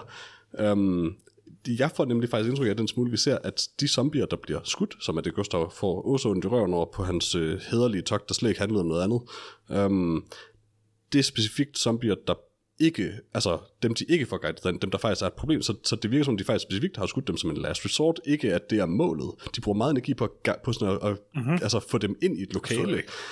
Og det indikerer jo, at de faktisk forsøger på ikke at skyde dem. Så jeg har på intet tidspunkt indtryk af, at de her militære politifolk, hvad det nu er, på nogen måde er onde. Nej, nej, og, og, og hvis vi bare tager zombie-mytologien, øh, så, så er det jo døde folk. Altså, det, det, Ja, ja, folk, der det er aldrig, og, og, det, og det etablerer filmen faktisk også jo. Ja, At præcis. det, det, det er tydeligvis den type zombier, der dør, inden de tønder. Ja. Øh, så nej, det, den kommer også bare til at virke rigtig, rigtig usympatisk. Mhm. Og så er det bare en kedelig film. For, altså, Ja. jeg synes, det er kedeligt. Og det er, fordi den bruger øh, en time og 20 minutter på at bygge op til en zombie. Rimelig tam zombie-klimaks. Ja. Men Lars, den er ikke så kedelig som midsommer. Jeg er ikke 100% overbevist om, jeg er enig med dig. Der er What? ikke Carpac North i den her. Men kan du ikke huske der, hvor Michael Birkers karakter spørger Troels Lyby, om han ikke snart skal have jagttegn, og Troels Lyby bare stiger skræmt ud i luften og aldrig svarer. Troels Lyby er herlig. Og det er, at hele den, ene, hele den, hele den ting eksisterer udelukkende for at etablere, Michael Birkers karakter har et gevær. Men det kunne man også have forstået ved, at man bare ser ham have et gevær senere. Nej, nej, så vil han virke som sådan en anden uh, psykopatisk uh, Det prepper. gør han også Nej, nej. allerede. Nej, nej, men han er jo jæger, Peter. Han er jæger. Det er godt, det er vigtigt at vide. Jeg ved, jeg ved bare ikke, altså, hvad har Troels Lyby, hvad har Dino oplevet med gevær, der gør ham? Altså, han får sådan en fucking PTSD-flashback, da Michael Birkers karakter spørger til Ja, det. det vil jeg også sige. Det er sådan lidt en borgolle situation, hvor vi faktisk ikke rigtig ved noget om Dino. Lidt aller Jannik. Ja. Jannik er sådan, altså, jeg tror, Dino er den nye Jannik. Det, Dino er, er Jannik, der er blevet voksen. Men ja, altså, øh, jamen, jeg, øh, altså, jeg er helt enig med dig, Lars. Det er en meget kedelig film, men jeg synes, altså personligt synes jeg, at den... Og det er igen det der, jeg, jeg, har, jeg har så svært ved ikke at... Altså, det er altid lidt i et vakuum, når vi kigger på de film, og den er bare tættere på at forstå, hvad den skal, end Midsommer er. Den er sådan 50% af vejen til fejl, så være en rigtig zombiefilm. Og i den her kontekst, i det her publikum, eller i det her, øh, hvad man siger, selskab, så er det på en eller anden måde lidt prisværdigt. Det er ikke godt nok til mig. Og det er heller ikke godt. Nå, bedste scene. Ja, øh, jeg ved godt, hvad min er. Um, Kom med den, Peter. Og det kommer til at være underligt i forhold til øh, vores øh, snak om den næste film, men min bedste scene er scenen med krybben, sådan set. Um, det er langt det mest i filmen. Det er en, det er en scene, hvor Spider-Man tænker sådan, det kan jeg godt respektere. Altså, dertil, hvor de tager den, og så ikke længere, det er faktisk godt at stoppe den. Og det fungerer helt godt i forhold til, hvad de generelt prøver at sige med, øh, hvad hedder det, Pernille Dinsens karakter. Mm. Um, eller Mille Dinesen, undskyld, øh, så hedder Pernille. Ja, præcis, du har sagt det to ja. gange nu. Jeg tænkte, det, det, det, det, det, det er sødt, du bruger karakterens navn og jeg, jeg, skuespillerens jeg, jeg, efternavn. vidste, jeg, ville, jeg vidste, jeg ville råde det inden, men det, det er et meget for mig. Ja. men, øhm, men ja, altså, øh, det, det passer godt til hendes karakter, så det passer, at det er hende, der er der, men det bliver ikke engang adresseret, hvilket er sådan dejligt subtilt. Det er sådan set en god scene. Øhm, jeg synes faktisk, at øhm, den sidste konfrontationsscene er, er min favoritscene. Det er også sådan lidt... Øhm, altså, hvis man har set plakaten til filmen, så... Ja, det er meget problematisk med plakaten. Ja, men altså, det er jo også lidt det, filmen bygger, bygger op til, kan man sige. Men jeg synes faktisk, det er en meget god scene. Øhm, det er sådan en rigtig klassisk zombie-scene, og det er der, hvor filmen fungerer bedst som zombiefilm. Øh, som I selv siger, så er der øh, problemer med det, sådan, altså, når de prøver at få statisterne ind som, som zombie og så videre. Jeg taler vi om dinoscenen eller nødblusscenen. Jeg er forvirret, fordi de ser de på plakaten, og det er, okay, så det er dinoscenen til ham. Ja, lige præcis. Det, det er den, jeg synes er god. Altså, jeg synes der, hvor at alle zombierne ligesom kommer ind til sidst, det fungerer ikke sådan super godt for mig, men jeg synes til gengæld, den sidste scene er der, hvor den fungerer bedst som en klassisk zombiefilm. Det er sådan det der... Altså, zombiefilm for mig handler... Altså, det det primært handler om, er jo det der med sådan frygten for at miste dem, man elsker til den her sygdom, og så skulle konfronteres med, hvad man skal gøre ved det. Altså, zombiefilm som genre handler jo bare om sådan, hey, hvad gør mennesker i pressede situationer? Hvad gør mennesker til mennesker og sådan ting? Altså, det er Ja, eneste, altså, ja, lige præcis. så er altså, det bare et redskab jo. Jeg synes, det fungerer godt, men altså, jeg kan rigtig godt lide, at den her film er et ret, øh, ret godt øh, slow burn på mange måder, men, men, men for mig så kulminerer det rigtig fint i den der scene. Så mm. det er min favoritscene.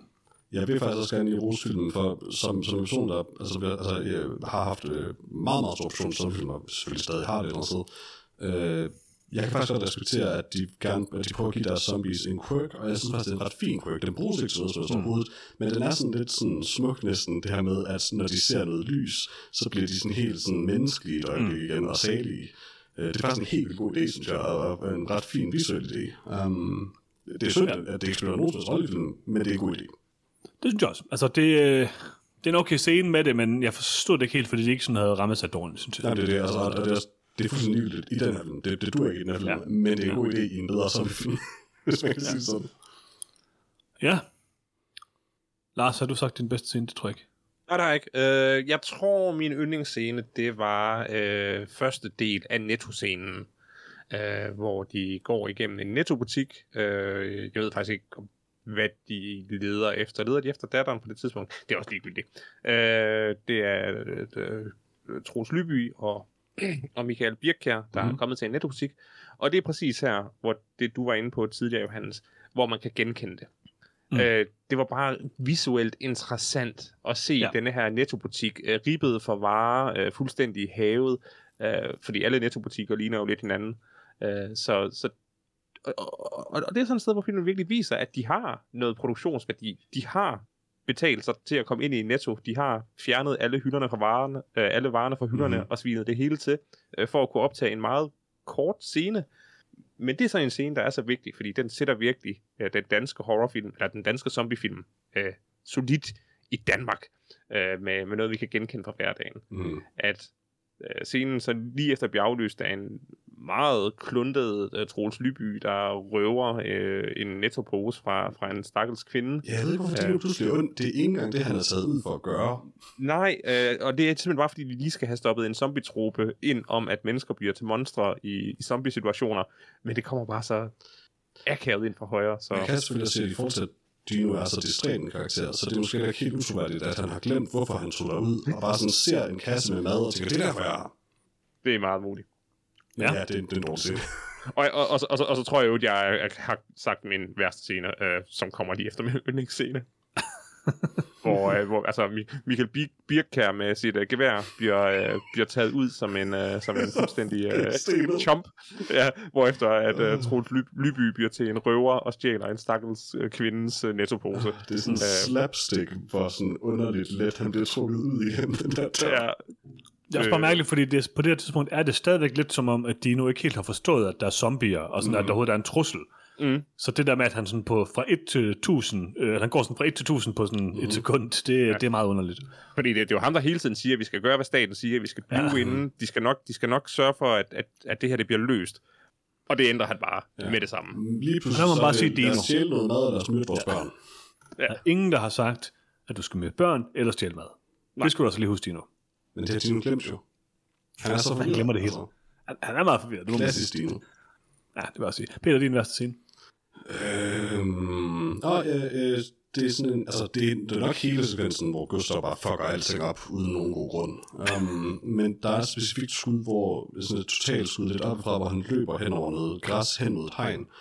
Der er også flere scener, hvor han gør det, men det er sådan scener, hvor han har travlt, han er stresset, og han jogger sådan super casual i steder hen, og det ser for det første har han en underlig jogge på, men det ser også bare så super stenet ud, at han bare sådan, han, det måden det på, sådan, han går sådan, ah, bange, og så det, og så, ah, bange igen i close-up.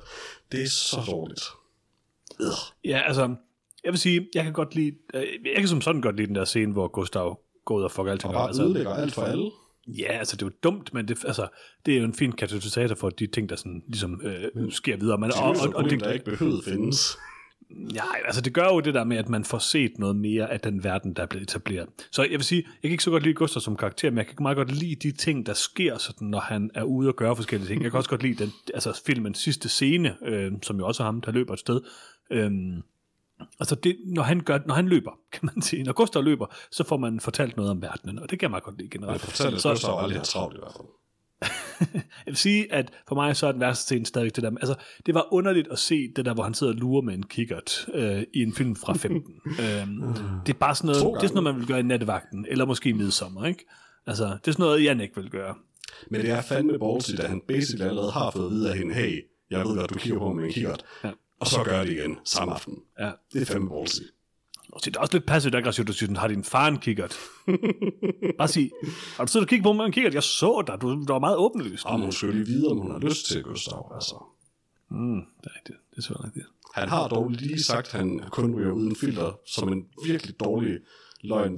Sådan virkelig shitty forsøg på at undgå at skulle en smøg. Mm. Sådan, det, det, ved du, derfor der er faktisk et eller andet lidt troværdigt ved det, der med sådan, kun en ikke-ryger ville ikke vide, ja. at det der er en ting, man gør, hvis nogen siger det. Ja, og så vil jeg også bare sige, der, der missede de altså chancen for at lave en rigtig god øh, hostescene med Gustav. Ja, det er jo ikke hoster rigtigt. Ja, det vil jeg også sige. Men Gustav bliver de alle senere. Altså, Ja, ja det vil jeg også sige. Nå, øh, hvad giver vi øh, Sovnfri? to. Jeg kan ikke med god samvittighed give den mere end en. Jeg synes, det var en kedelig film. Jeg vil næsten lige så gerne se øh, Midsommer igen. Okay. Nej, jeg tror stadig hellere, jeg, vil, jeg har givet to. Jeg tror stadig hellere, jeg vil sæsonen for igen. Øh, det er bare en mere kompetent film, på trods af, at det, det er ikke en kompetent film, men det er en mere kompetent film. Jeg synes, det på mange måder er en rimelig kompetent film, må jeg sige. Og jeg synes, det er en af de bedre danske gyser, jeg har set. Så jeg, jeg tror godt, vil snige mig på tre. Nej, og det kan godt være, at jeg lidt er her, lidt er rammesat, eller at det rammesætter lidt for meget i forhold til danske gyser. Fordi Men det er det også til på en måde. Det kan man ikke helt undgå. man kan ikke helt undgå det, og jeg synes, men jeg vil faktisk også sige, jeg synes, det er en okay, god zombiefilm. Jeg kan godt, altså, jeg kan godt lide de der slow burn gyser. Øhm, jeg synes ikke alt, hvad den gør etableringsmæssigt, er godt. Som sagt, det har vi ligesom talt om, hvad, der, hvad den mm. har problemer. Men jeg synes, øh, det er sådan mere lukket og mere sådan stemning af at være i Danmark, som jeg synes, den rammer ret godt faktisk. Og får til at være noget unikt i forhold til så mange andre zombiefilm. Og det kan jeg rigtig godt lide. Øhm, jeg kan egentlig godt lide mange af karaktererne. har nogle udfordringer med Dino, og har nogle udfordringer med Gustav. Øhm, og jeg synes, den er ret god, og jeg synes, den slutter ret godt. Øh, jeg, synes, jeg synes også, det sidste skud er fedt nok. Øh, det, det, det, jeg synes egentlig sådan progressionsmæssigt, at den er god til at etablere sådan, at du sådan får, altså med sådan rimelig få virkemidler formidler den, hvor galt det står til, kan man sige. Øhm, Men selvfølgelig står det så galt til.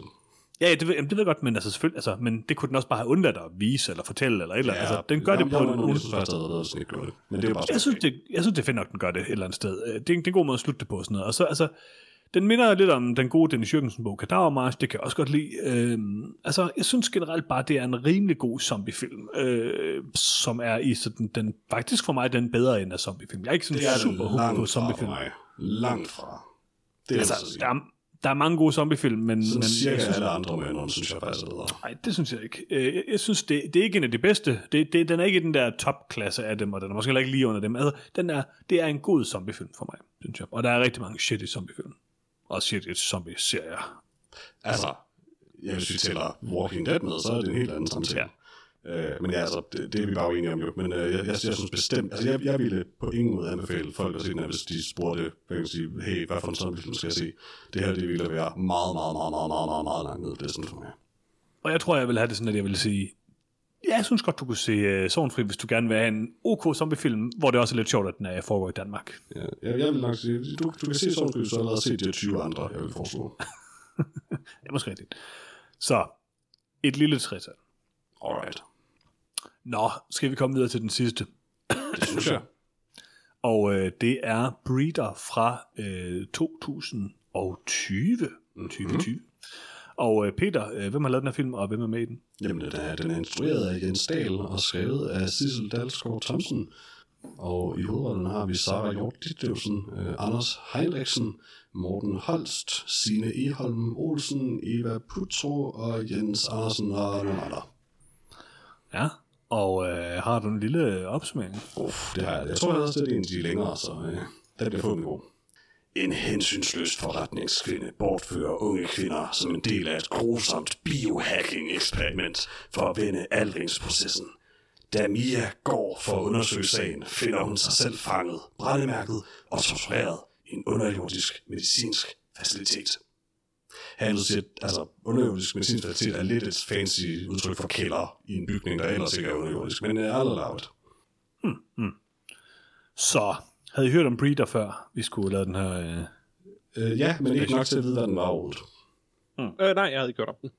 Nej, altså, jeg vidste ikke så meget om Breeder, før øh, jeg foreslog den. Jeg vidste bare, at det var en af de nyere gyserfilm. Jeg skulle måske lige have tænkt lidt over navnet. Men øhm, havde, havde også hørt, at, øh, at den, den skulle være sådan udmærket. Men jeg må sige, jeg, jeg læste på forhånd noget om den. Øh, bare sådan opsummering af det. Og må sige, I ved, hvor svært jeg har det med, øh, eller hvor svært jeg havde det med den der In the Tall Grass, på grund af mm-hmm. ting, der sker øh, med babyer. Og det gav mig virkelig bare ikke lyst til at se den her Breeder. Øh, så jeg var meget negativt indstillet, før jeg gik i gang med at se den. Øhm, men skal vi ikke lige starte med en af jer, for lige at høre, hvad I synes om, øh, om Breeder? Øh, Breeder er den film, jeg har det mest forvirrende med, faktisk. Eller mest øh, modstridende med, skal det. Simpelthen fordi, at Breeder er af de tre, der ikke er nattevagten, den langt mest kompetente film. Øh, så jeg vil gå så langt til at sige, at med undtagelse af sådan, ikke altid godt skuespil, ikke altid god dialog, så er det her en sådan godt struktureret gyserfilm. Når det så er sagt, så er den type film, Breeder er, en film, jeg bare godt kunne være foruden, personligt. Altså, øh, det er en torturfilm, øh, og den er det i, altså, et eller andet sted må man også give den noget for at gå sådan all in på det. Det gør den. Because it really does. Um, og har i øvrigt nogle ganske øh, gode effekter øh, altså, til det formål. Um, men det var, faktisk, det var svært at se Breeder for mig. Um, men, men jeg, har, jeg har virkelig svært at finde hvad, det skal, altså, hvad jeg skal synes om det, fordi på den ene side, synes jeg, jeg er nødt til rosen for at være en, bare en bedre film, end det meste, det vi har set til af jer. Og på den anden side, så har, altså, vil jeg egentlig nok helst have været uden at se den. Så ja, mm. jeg har det lidt mærkeligt med den. Lars, skal vi tage dig uh, først? Ja, gerne. Øh, jamen, Breeder er en modbydelig film at se. Øh, mm. Det er øh, tortur, porno, eller hvad man øh, kalder det. Yeah. Øh, og, og det er øh, meget specifikt rettet mod kvinder. Mm. Øh, filmen handler om, øh, som beskæftiger sig med øh, tortur af øh, og voldtægt af kvinder og øh, det at bruge kvinders øh, fødekapacitet øh, til, øh, til, til ja, ubehagelige formål, øh, og i hvert fald også øh, øh, formål, som, som ikke tjener børnene, øh, spædbørnene. Og når det så er sagt, så har du ret, Peter. Det her, det er en kompetent film. Øh, der er, øh, der, der, der, der er tænkt over scenerne, der er fundet en, en, en fin, uh, uhyggelig location, øh, der er nogle, nogle flotte skud af overklasseliv, der ligesom kan, kan øh, afbalance eller mod, øh, være modvægt på de her helt øh, grumme øh, billeder af, af, af kvinder, der mm. ligger øh, halvnøgne på jorden, smurt ind i, i, i blod og øh, urin, afføring, hvad ved jeg. Mm.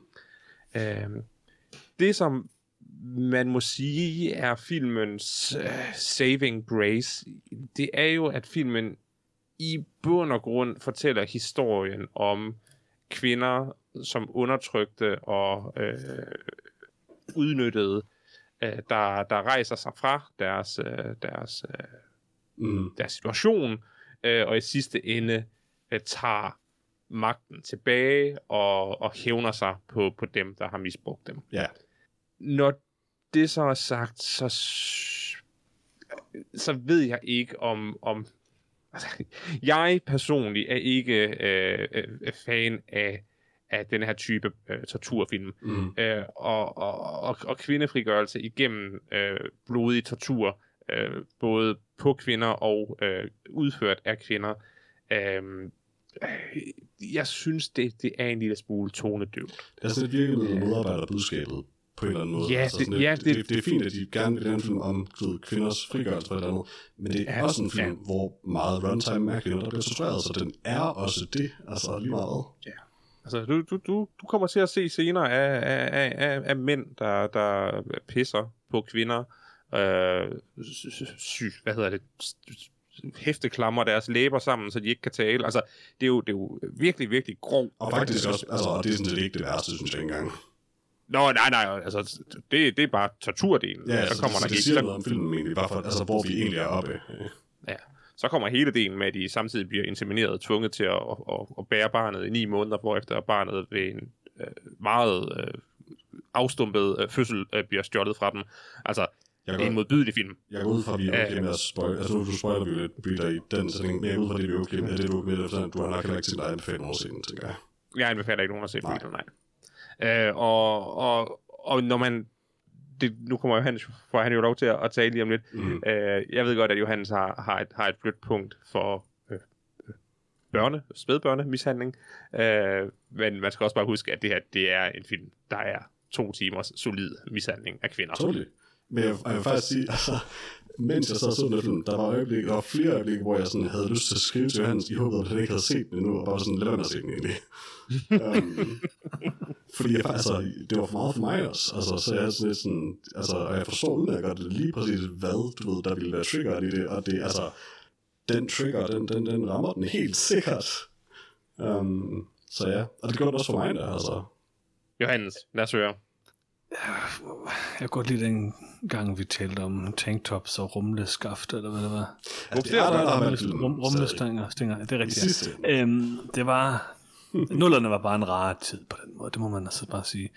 Og så også der, der var alle de her tortur. Det er ligesom om den her film den kommer øh, et år ti for sent, ikke? øhm, først og fremmest, vil jeg sige. Ja. Jeg ved ikke, øhm, jeg har det også meget ambivalent med Breeder. Øhm, jeg vil lige sige, der var dele af Breeder, jeg ikke så. jeg kiggede væk. Det øh, og ikke gad se det. Øh, så jeg har set dele af Breeder, ikke det hele. Nok Øhm, fordi jeg ikke kiggede væk, eller deler bytter, jeg godt kunne have levet uden at set. Ja, og jeg har også set ting i Breeder, øh, som jeg godt kunne have levet foruden at se stadigvæk. Øh, altså, det er en sygt ubehagelig film på rigtig mange måder. Jeg vil sige, det er... Jeg kan godt respektere Breeder for det, den er. Øh, jeg har det rigtigt... Jeg, jeg, synes, den, jeg synes faktisk, den går for langt, vil jeg sige. Fordi Enig. den er så ubehagelig at se, at det er... Det bliver meningsløst. Så, altså, men men den, prøv, altså, den har en pointe, den har noget, den gerne vil sige, den har, altså, den har noget på hjerte på en eller anden måde, og så har den samtidig en ret god æstetisk sans. Jeg vil så også sige, Breeder har noget af det værste skuespil i den her special overhovedet. Øh, jeg synes, der er, altså, jeg synes hovedpersonen er rigtig god. Øhm, og skurken er også rigtig god, og det er cirka det. Øh, så er der dele af den her film, som minder, altså hvor øh, karaktererne minder alt for meget om en øh, anden dansk gyserfilm, nemlig Finale, som vi har talt om før. Øh, og det Og fungerer øvrigt, slet den, ikke for den mig. her film får finale til at virke super chill. 100 procent. Altså, og det er også bare det der med sådan, altså, jeg sagde først, at jeg godt kunne respektere den her film for, hvad den gør. Og det kan jeg også godt. Altså, den, den vil noget. Det, altså, Midsommer vil absolut ikke en skid. Øhm, jeg synes egentlig, Sorgenfri vil nogen ting, og det gør, jeg synes også, jeg kunne også klart bedst lide Sorgenfri også. Øhm, så Sorgenfri vil sådan lidt, Breeder vil rigtig meget, men Breeder vil også for meget. Der er alt for meget symbolik, sådan de der, altså, de to mænd over for hinanden og sådan nogle ting. Altså, der er bare elementer af det her, der slet ikke fungerer, og så er der nogle ting, der fungerer rigtig godt. Og så er der bare ting, der er alt, alt, alt for meget. Så det er sådan en fuldstændig vanvittig oplevelse. Den her film minder mest af alt om uh, Martyrs, den originale Martyrs. Ja, det det er- den minder faktisk rigtig meget om Martyrs. Øh, og den er også for meget, men den er, den er også tydeligt fået inspirationer fra. Hvilket er 100 procent. Og Martyrs er bedre, helt klart. Øhm, men jeg synes stadig, at den, den har noget. Altså, den, den har en æstetisk sans på mange måder, som fungerer rigtig fint. Øh, den har nogle karakterer, der fungerer rigtig fint, og den har noget tematik, som fungerer rigtig fint. Men jeg kan ikke anbefale nogen at se Breeder, og jeg har ikke set specielt meget af Breeder, fordi det vil jeg bare ikke. Øh, jo, jeg har set noget, altså, jo, jo, jeg har set noget af Breeder, men jeg har også kigget væk rigtig mange gange, fordi jeg vil bare ikke se det. Jeg har ikke lyst til at se det der. Nej. Der er ting, jeg ved om film. Øh, for eksempel, jeg ved, hvad der sker i A Serbian Movie. Jeg har aldrig set film, eller Serbian Nej. Film, tror jeg det er. Er- Jeg har er- hørt det fra folk er og sådan noget. Alene det er for meget for mig. Det har jeg ikke lyst til at vide. Men nu ved jeg, at der er en film, der er sådan, og det har jeg ikke lyst til. Jeg har heller ikke lyst til at vide, at der er en film, der er ligesom Breeder. Men det er der, og jeg har set lidt af den. Ikke så meget, heldigvis. Øhm, altså, det, det gode i Breeder drukner 100% under øh, alt det, Det gør det altså, desværre, ja. under det, der sådan er, er for meget. Og jeg vil bare sige, Altså, det, altså, det Selvom- selvom Breeder- Jeg, jeg ville straight up bare slukke den, hvis jeg skulle sige med den. Og det er ikke, du ved, det er ikke sådan, at det er så dårligt. Det er sådan, altså, det, det er et problem, hvis sådan en film er så ubehagelig, at jeg faktisk ikke kan se den igennem, med jeg skal. Ja. Selvom Breeder måske er den næstbedste sådan kompetent, øh, kompetencemæssige film af dem, vi har set i dag, så er det for mig helt klart den værste. Øh, altså, det var meget sjovt at se med sommer. og jeg synes, Tårnfri var udmærket. Og Der var ingen, der var ingen, der tog skade af se det film. Der var ingen, der tog skade af se midsommer. Man kedede sig nok lidt undervejs, men altså, man, øh, for 19 kroner på Apple TV, så er det en, en glimrende film, vil jeg sige. Mm-hmm. Breeder er, øh, altså, øh, jeg opsagde mit øh, Amazon Prime abonnement lige bagefter.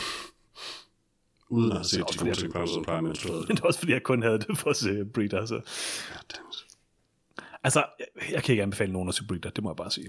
Der er faktisk i forhold til det, Det er en syg film. med, at den har noget, den vil, og det på en eller anden måde er øh, ikke nok, men er en slags redeeming kvalitet.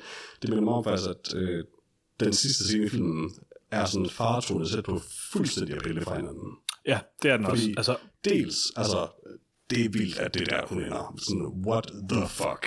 Men, og det, og det er meget sigende, at filmen har tydeligvis vidst det, fordi den føler sig nødsaget til at, have hende, som fortæller i scenen, der siger, ja, ja, okay, jeg ved godt, det er det shit, men hør nu her. ja, altså, Altså, det, ja, det, det, også, altså, fordi, altså, straight up, Thomas Lindberg-karakteren er ligesom, altså næsten lige så meget en skurk, som de andre skurke i filmen. Ja. Altså det, der er bare, den går, den går bare for langt på alle mulige måder. Jeg kan respektere, eller det ved jeg ikke, jeg ved ikke, jeg tror faktisk, jeg vil godt vil trække det tilbage, men jeg kan respektere det. Jeg kan faktisk ikke respektere det, fordi det er dårligt lavet, når man går, altså når den bliver så utræret, som den gør. Altså det bliver, så, så i sidste ende er den bare ikke bedre, eller mere sådan moralsk rigtig, end alle de der andre torture porn film, som har en masse problemer. Øhm, Altså, Saw er en underholdende serie af sådan nogle mærkelige twist ting, som har en masse ubehagelige ting i sig. Men den går, altså, de går slet, slet, slet ikke lige så langt. Nej, der er nogen, der skærer deres baller af, eller noget, men det er jo ingenting sammenlignet med det her. altså, det er ingenting i sammenligning med Der er faktisk ikke ret meget, der er noget altså, sammenligning Jeg er nødt til at spørge, så du skraldespanden? Nej. Okay, godt for dig.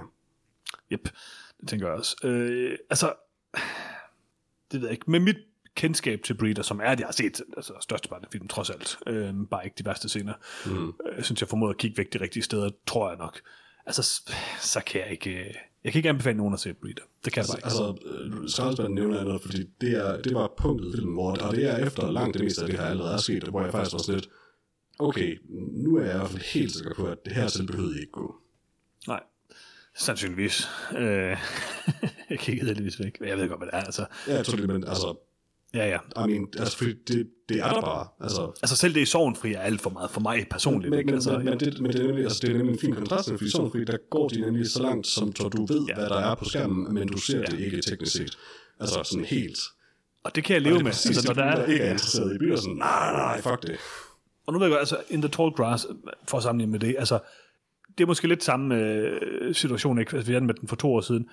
En af de mere kompetente film, som jeg husker det, det er Horror Special, vi egentlig havde. Det er. Ja, den, den, den, jeg synes, den havde nogle ting i sig. Jeg har, jeg har også lært, eller jeg har også læst øhm, historien af Joe Hill og alt det der. Øh, jeg tror, han skrev, skrev den ikke sammen med Stephen King, Lars? Øh, jo. Ja. Det er sættet af All Flesh is Grass. og der, jeg synes helt klart, at der er nogle udmærkede ting i den ting og sådan noget, men, men det, bliver sådan, det bliver sådan for meget for mig. Altså, men det er jo ingenting, ingenting i forhold til Breeder. Nej, nej, altså, altså, i forhold til den film, der tænkte jeg, at sådan, ja, jeg kan godt forstå principielt, hvad det er, du ved, men det er bare så fjollet, den film, så altså, det, det er meget sjovt. Man, man ser måske altså, lidt for meget, men alligevel, altså, men det er ingenting i forhold til Breeder. Breeder er helt, helt, helt andet, altså. Breeder er den mest ubehagelige film, jeg har set lidt af. Jeg tror, det er, hvis ikke den, så er det en af de mest film, jeg har set, jeg har set det hele af. Jeg vil sige, altså jeg har også set, altså igen, et, tilbage i 0'erne og 90'erne, sådan, hvor man ligesom skulle udforske, jeg har jo udforsket rigtig meget sådan japanske øh, film, mm. du også har, Peter, sådan, altså, ja, ja. og set en masse af sådan nogle ekstreme film, og alt muligt, og set Cannibal Holocaust, og alle de der ting, og sådan noget, og det er jo sygt ja. ubehagelige ting på mange måder. Men der er sådan og der er ting, forskellige af de film, jeg stadig vil se den dag. Altså, ikke, der er nogle af de... Ja, jeg gider ikke se dem, men jeg vil ikke sådan, øh, forkaste dem fuldstændig den dag. Der er nogle film, jeg gerne vil se, der er nogle film, jeg ikke vil se. Altså sådan et film som Audition, øh, Takashi Miikes øh, ja, ja. klassiske film, den kan, jeg, den kan jeg sagtens se igen. Det er en rigtig god film. Øh, vi havde den også med i vores øh, Japan Horror Special. Der var du også med, Lars, var du ikke? Jo. jo. Jo. Og det er en rigtig god film. Den siger noget om samfundet og alle ting. Den har nogle super ubehagelige ting i sig, men det er jo sådan, det er på en anden måde, de er ubehagelige, og det har jeg det. Altså, det er en, det er en anden type af film. Det, den kunne jeg godt se igen. Cannibal Holocaust, det ved jeg ikke, om jeg lige vil se igen. Det tror jeg ikke, jeg vil have lyst til at se igen. Og der er rigtig mange af de andre film, jeg har set, som jeg ikke gider se igen. Jeg vil gå så langt som til at sige, at jeg kunne helt sikkert godt se Chile Killer igen.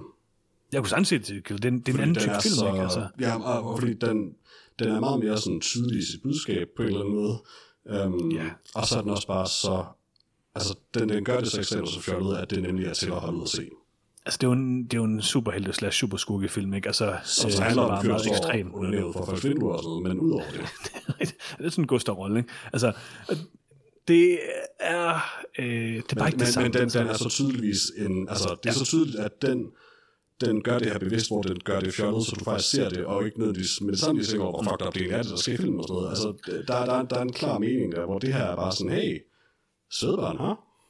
Men jeg kunne også godt se Hostel igen. Jeg har set Hostel-filmen igen, og de er ikke specielt gode. Det og det, det er en anden tid og alt muligt. Altså, det, var en, det var en anden tid, hvor, man, hvor øh, film var mere grænsesøgende, ikke? Altså i, i nullerne, tror jeg, jeg vil sige. Øhm, og, og det er vi nok vokset, som vi har talt om flere gange i den her special, så er man vokset, heldigvis vokset fra nogle ting i samfundet generelt.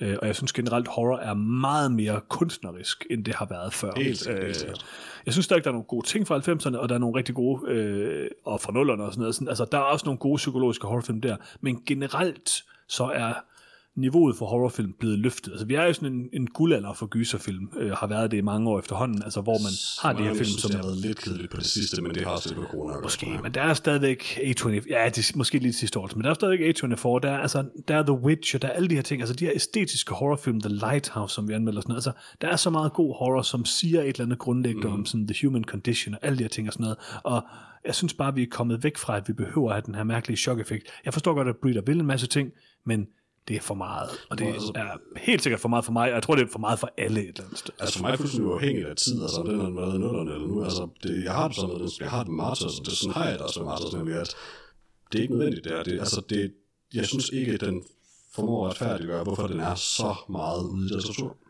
Nej, jeg synes, Martyrs gør det bedre, fordi den er mere... Øh, Ja, Martyrs er en bedre film, men jeg synes stadig ja. ikke, Martyrs behøvede være alt det, den var. Nej, og jeg vil heller ikke have lyst til at se Martyrs igen. Mm. Øh, den var for meget første gang, den har helt sikkert for, også for meget anden gang. Og sådan noget, mm. ikke? Altså, jeg ved ikke, altså, jeg er glad for, at jeg ikke så det hele af Breeders, eller Breeder, det, det vil jeg bare sige. Øh, og jeg synes, det er for meget. Hvad synes du om skraldespanden, Lars? Øh, jeg har ikke noget problem med skraldespandscenen. Øh, det er, det, det er et sekundærplot i filmen. At, oh, totally, det er bare et rimelig fucked up billede, synes jeg måske. Ja, men, men et, et billede af, af, hvad skal man sige, dukker, proteser, hvad du vil kalde det, mannekinger, mm. øh, i, i en skraldespand, øh, kontra øh, en mand, der, der tager sin rigtige pik frem og, ja, og, og, og, og, og ja, fake urinerer på, på en kvinde, øh, der ligger og græder.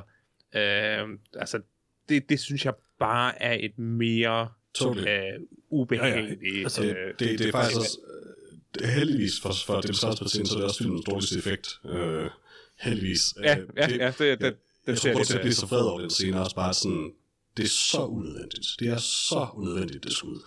Du ved, man, altså, altså, du, man kan jo se for sig, hvordan den scene lydspil sig i en anden film.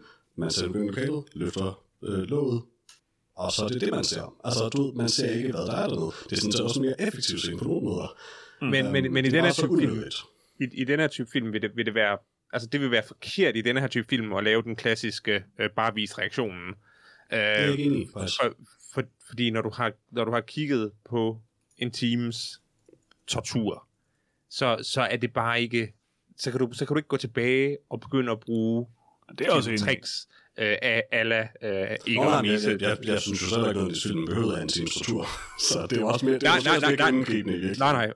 Og det er også bare det, der er min pointe. Det er, jeg har ikke nogen kritikpunkt nej. på skraldespandscenen. Jeg har et, jeg har, jeg vil gerne snakke om hele filmen som helhed, og der er skraldespanden ja, det selvfølgelig også med. Øh, og, og jeg er meget, meget, meget glad for, øh, exceptionelt glad for, at den her film er skrevet af en kvinde. Øh, fordi alene da, da, Jeg ved ikke, om det da er det var en... glad for det.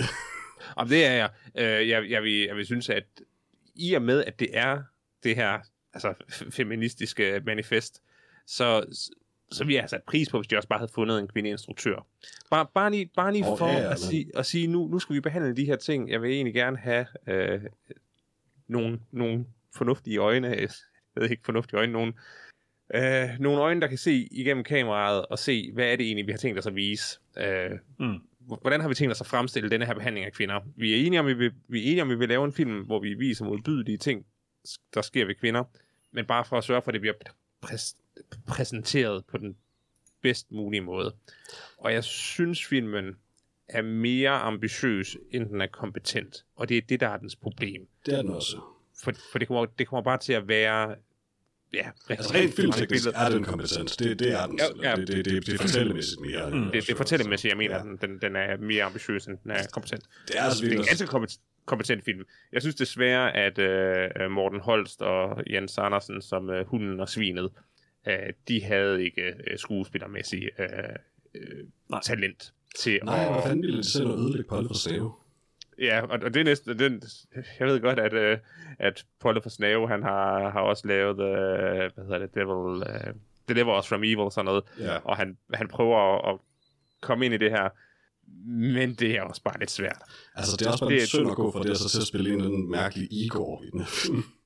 Ja, øh, der vil jeg også have valgt en anden. Han er en ikke anden en rigtig karakter, altså i modsætning til... Han er, han er ikke en rigtig karakter. Han, han kunne faktisk have været helt undladt af filmen, hvilket næsten vi har gjort den, uh, den skarpere, uh, ved at der kun var en Mm. psykopatisk uh, torturmand. Uh, men ja, Det er, Det er enten eller bruge den anden karakter til op som en kontrast. En person, som kun gør det her af nød, og faktisk har problemer med at gøre det. Det er den eneste anden grund til, at man kunne have to af dem. Altså. men øh, nu kommer det spændende. Lad os øh, sige, hvad var vores yndlingsscene i Breeder? Uh. Det glæder jeg mig til at høre. Øh, Det allerførste skud, hvor der var nogle søde heste i en stald. Done. jeg, faktisk, jeg, Peter, jeg skulle faktisk lidt til at sige, Held jeg synes faktisk, andre. Jeg synes faktisk, at rammesætningen, jeg skal nok prøve at vælge- finde den også, men jeg synes faktisk, at det er en meget god måde at rammesætte meget af det her, sådan, øhm, den her øhm, tematik. Øh, Det er anderledes måske, men ja. det er meget det er lidt on the nose, men det er udmærket. Altså, det er sådan et øh, måde at i tale til det her mand-kvinde-magtforholds øh, dynamik og sådan noget. Altså, det, det fungerer meget godt for mig, vil jeg sige. Øhm, uh, hvad skal jeg ellers sige? Øh, ja, lad os lige have en af de andre for, først. Nej, nej, nej. Øh, nej. Altså, Jeg synes, at æstetikken i starten er det bedste, altså sådan, før, det, før jeg ikke gad se mere film, eller gad se, altså før jeg sådan virkelig synes, at der var meget, jeg var nødt til at, øh, at kigge væk fra og sådan noget, Mhm. så synes jeg, der er meget, meget, noget meget god æstetik i den her film. Øhm, I, Det er I en- hjemmet eller i på fabrikken? egentlig begge dele, synes jeg. Mm. Øhm, Jeg synes, kontrasten mellem de to Ja, ja, locations ja, ja, er, det er, er er også super meget god. Altså, hvis jeg skal sige en ting, det jeg synes, jeg kan måske bare, bare bedre sige, hvad, hvad synes jeg er bedst ved Breeder, sådan helt ordentligt set, det er helt klart ambitionsniveauet. Øh, det er sjældent, man i Danmark laver en, en så ambitiøs gyserfilm. Det gør man faktisk aldrig. Jeg tror ikke aldrig, jeg har set noget. Det er bare synd, den er så Den er meget ekstrem. for meget. Og jeg vil faktisk lige sige, Lars, bare, d- d- Ja. bare lige så vi ikke er i tvivl om det, så for mig er det ikke det der øh, baby halløj, der er sådan, altså det er også det værste, det, altså for det er selvfølgelig noget, jeg ikke bryder mig om generelt, det tror jeg ikke, der er nogen, der bryder sig om, men men det er altså det, det, er det hele, der er for meget. Det er mm. Også, altså det det hele, det er volden, det er øh, øh, Det tror jeg, er kvindenedgørelsen, også, altså. alle de her ting og sådan noget, ikke? Altså, det er alt, der bare er for meget i den her film. Det tror jeg, er faktisk alle tre egentlig. Jeg tænker, at øh, hvis man skal nævne en øh, yndlingsscene i den her film, og den scene ikke er fra de første 10 minutter af filmen, så er man et øh, meget forstyrret menneske. øh, det er rigtigt. Altså, jeg, ja, ja, jeg, jeg kan give dig en lille... Du kan også bare sådan ud af kontekst nævne monologen om kanehæle. Nej, Nej, øh, det, har, det, det, har, jeg- det, har, det har jeg ikke lyst til. er da på en eller anden måde Øh, super lækker. jeg synes faktisk, at filmen har en, en rigtig stærk scene øh, i starten, øh, hvor øh, hovedpersonen Mia øh, øh, masturberer, øh, samtidig med, at hun piner sig selv. Øh, det er øh, visuelt et, et, et stærkt skud, øh, og øh, også et narrativ fortæller noget om, om, hvordan hun allerede er i et, hvad skal man sige, øh, voldig, øh, psy- øh, psykisk Mhm. mm-hmm. voldig forhold, øh, som jo så bare bliver ekstremificeret tusindfold øh, i resten af filmen. Øh, men, men, men det kunne jeg virkelig godt lide. Det synes jeg var et, et, et interessant, øh, interessant scene. Helt. Noget sex, noget smerte, noget følelse, øh, noget skuespiltalent. Øh, den, øh, Og faktisk, og den er jo også et godt eksempel på, hvad man kan lave en scene, der faktisk også er ret ubehagelig at se på, uden at være for meget, altså på den måde. ja, jamen, den, Ja, den, den, det er faktisk også den er helt at perfekt i forhold til der, det, det er nemlig en perfekt måde at vise øh, smerte og, mm. og Mm. ubehag, øh, men stadigvæk på en artistisk og fordøjelig måde. altså om det er hende selv, eller hvem det er, altså nogen har virkelig sat sig på den der øh, spor, eller af, at altså, kudos, hatten af for det. Det må jeg godt næste. Ja, der, der, der, der er et sæt uh, stuntballer, der er blevet, uh, ja. der, har, der, har, der er blevet brugt til, til Og det må have fået noget for pengene. I forhold til værste scene, der tror jeg, det, det er næsten ligegyldigt at finde værste scene. Det, er Ja. bare, rest, det er bare resten af filmen. Jeg Det er bare en lang scene- Jeg tror, min scene. værste scene er øjeblikket, hvor det gik op for mig, at det ikke var sådan en underlig hvide skin, der hang på væggen. Nå, det, Det var, var deres... bare creepy. Nat, Altså, og det er faktisk ikke, fordi det er en dårlig scene, der er bare creepy. Nej, det, ej, det, det er faktisk næsten... Ja, Det er faktisk, det er faktisk noget af det bedre, egentlig. Ja, det er, noget, af det, det er nogle af de ting, der fungerer i filmen, hvor de, hvor de, det er der, hvor de henter til, hvor forfærdeligt det er, uden yeah. bare at vise, hvor forfærdeligt det er. Og faktisk også et stærkt billede. Men også, ja, min værste scene, som jeg- det tror jeg, sammen kan sige, er nok bare en af de mange torturscener. Pick one. Ja, det, det, det er svært at vælge en scene uden på en eller anden måde også at komme til at glorificere den. Altså som, som Ja. den værste scene, som det her det er det værste, du kan se i en film, der er fuld af, af, af slemme scener. Så derfor har, har jeg heller ikke rigtig lyst til at... Det, Ja, hvis det skulle være en scene, der var den værste, så var det den der creme, cremehæle monolog, der er den værste. Peter. det, uh, det er så fucking underligt også. Skal vi give Breeder nogle karakterer? Det skal vi vel egentlig. Ja. Altså, Jeg starter. Okay, ja. Nej, jeg starter. Jeg har sagt det. Øh, jeg øh, giver Breeder 2. Og det er ikke, fordi jeg anbefaler nogen at se Breeder. Øh, jeg tænker, at øh, for for mange folk vil, vil det nok gøre, gøre større skade, end det vil gøre gavn at se Breeder. Nok for alle, Øh. umiddelbart. Ja. Men igen, der er et ambitionsniveau, og der er et kompetenceniveau, som gør det til en fungerende film, om end den er øh, meget ubehagelig at se, øh, og også mere ubehagelig end nødvendig var for at, at komme øh, over øh, scenekanten med deres budskab. Jeg er nødt til at være enig.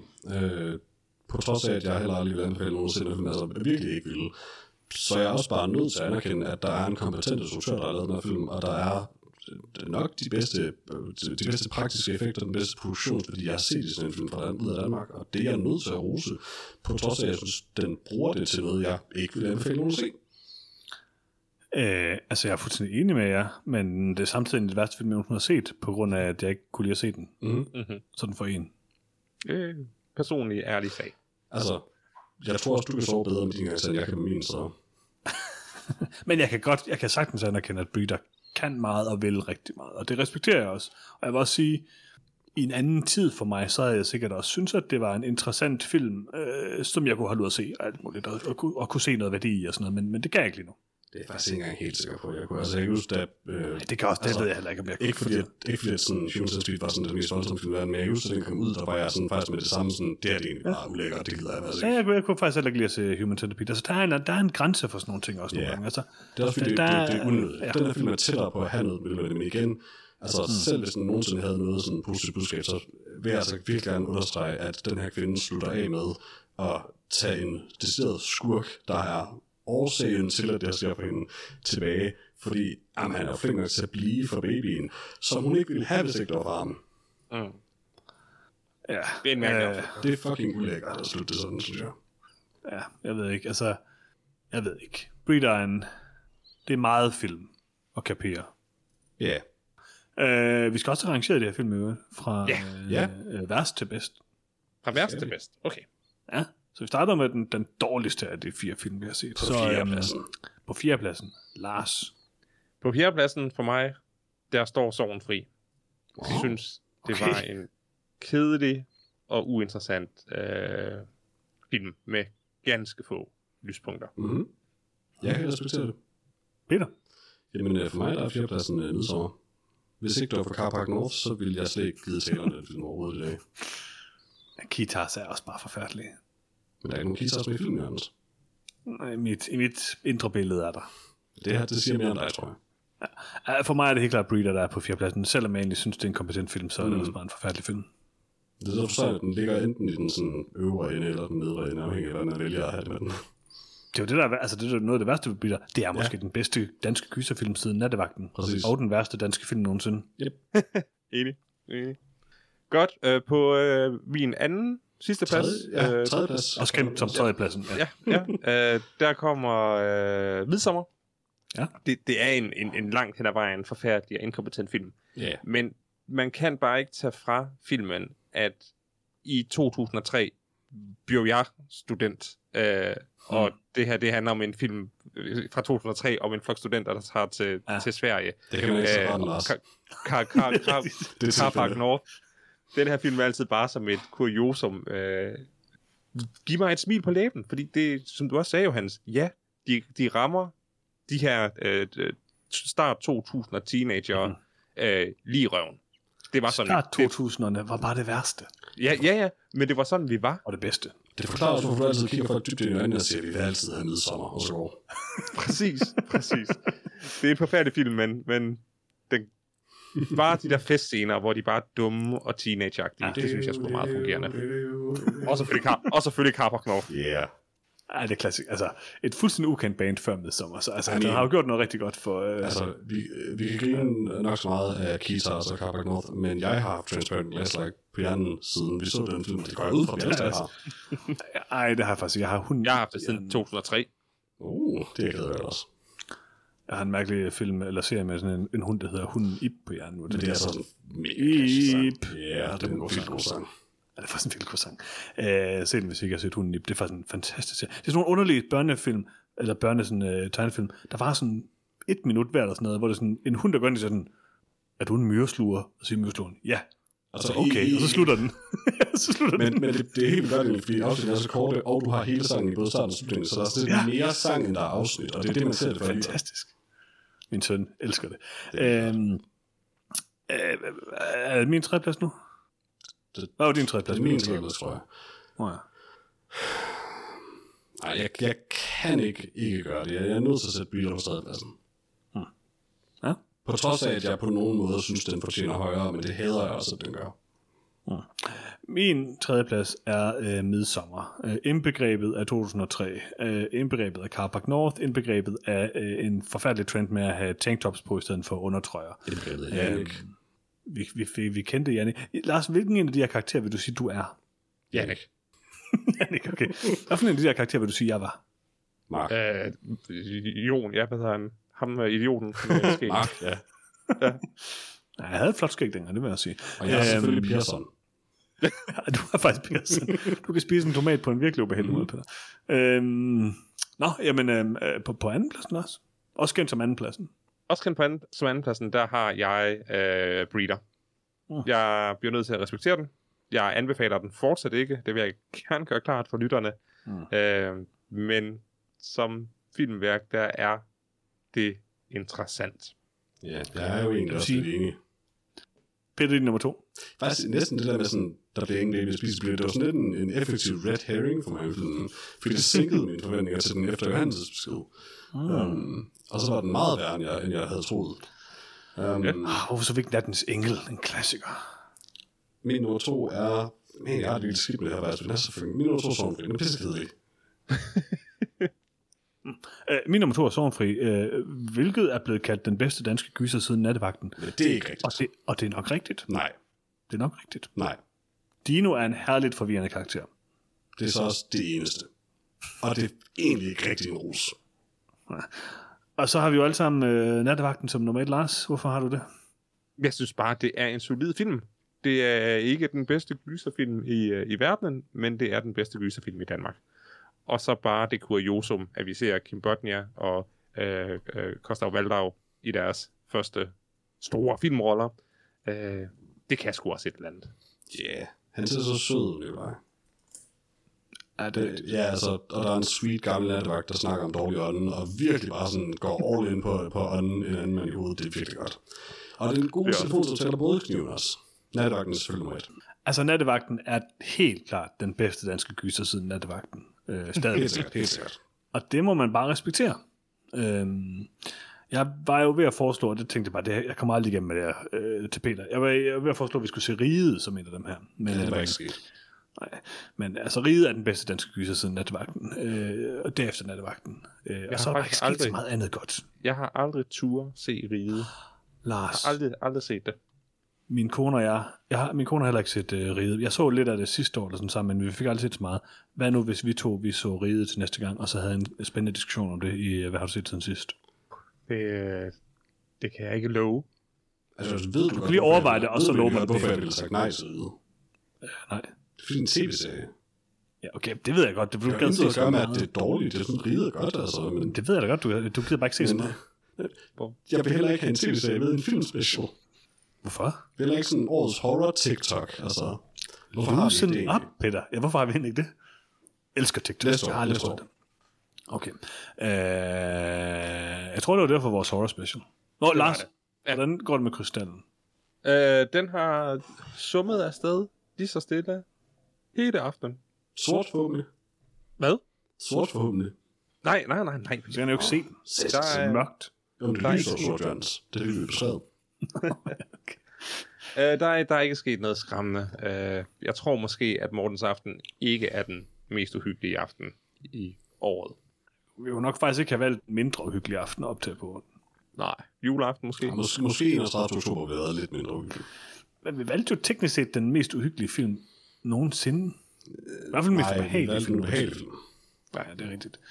Ja, det skal, næste år, så bliver, det, så bliver det noget mere uhyggeligt. Okay, nu, altså, allerede nu vil jeg gerne lige jeg, kaste... Jeg, jeg, og det har jeg ikke måske skulle jeg måske for sådan, jeg havde ikke bedre sig, at du foreslog helt så special med dansk horrorfilm. Min første tanke var, der er ikke nogen gode danske horrorfilm, men okay.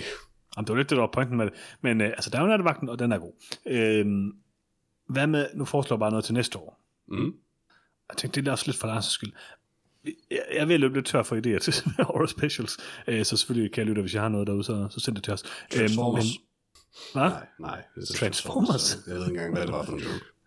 Jeg tænker, at vi skal prøve at samle de mest uhyggelige gyserfilm, der nogensinde er lavet. Sådan dem, der er anerkendt som de mest uhyggelige ting, og så skal vi prøve at se, dem, og se om Lars han bliver skræmt. Ja, altså nu, er- nu er jeg jo ved at have lidt, uh, lidt Ja. ja. uh, hård hud i forhold til gyserfilm. Jeg tror bare, vi har haft et par af dem allerede, faktisk. Har måske haft et par af dem, men vi kan prøve at se, om der er nok til, at vi kan skrabe noget sammen. Lars, har vi haft Blair Witch sammen med dig, og eller har du set den? Uh, jeg og eller har set den. Jeg har set den oprindelige. Okay. Men har du set uh, Blair Witch uh, Book of Shadows? Nej. Ved, har du set Wreck? Uh, jeg, t- nej, jeg har ikke set Rick. Nice. Se, der er Nice, mange nice, gode nice, diskussioner nice, her, nice, ikke? Altså, nice, vi skal nice. prøve at se, uh, Nice, se, nice, hvad der sker. nice, nice, nice. Slutningen på Wreck hjemsøger mig stadig. Jamen, øh, jeg tror, det var det for den her øh, øh, dejlige øh, Slovember øh, special. Så, øh, nej. Øh, Peter, vil du ikke lige sige et par visord om, øh, hvor man kan finde øh, den her dejlige, dejlige, dejlige podcast? Jeg ved ikke, hvor vi det bliver, men jo. Øh, man kan finde os på nogetomfilm.com, eller på facebook.com slash nogetomfilm. Man kan skrive til os på nogetomfilm.gmail.com, og du kan finde og høre podcasten, der hvor du allerede har fundet og hørt podcasten. Bliv endelig ved med det, det var en god idé. Um, hvis du ikke allerede har subscribet der, så gør det nu. Um, Gør det. og, så, øh, og så er der selvfølgelig bare det vigtigste, du kan gøre, Kølter. Det allervigtigste, det er at dele podcasten med en anden. Og Christian Let, den er gang din tur. Del lige podcasten, vi ikke? fik den gang, ja. Del den gerne med North. Ja, og Jørgen er stadigvæk, er, er allerede lytter, så du kan ikke dele den med din far. Ja, øh, det er selvfølgelig. Han, har allerede med fra starten af. jo. Øh, og jeg ved, jeg tror ikke, jeg nåede at sige punch, quote unquote, punchline på det, men øh, fordi hvis der er en, ja, det, sagde, sagde jeg det? Nej, Hvis der er en, jeg kan lytte til podcasten med en anden, Christian Lett i det her tilfælde, så er der en anden, der hører noget om film.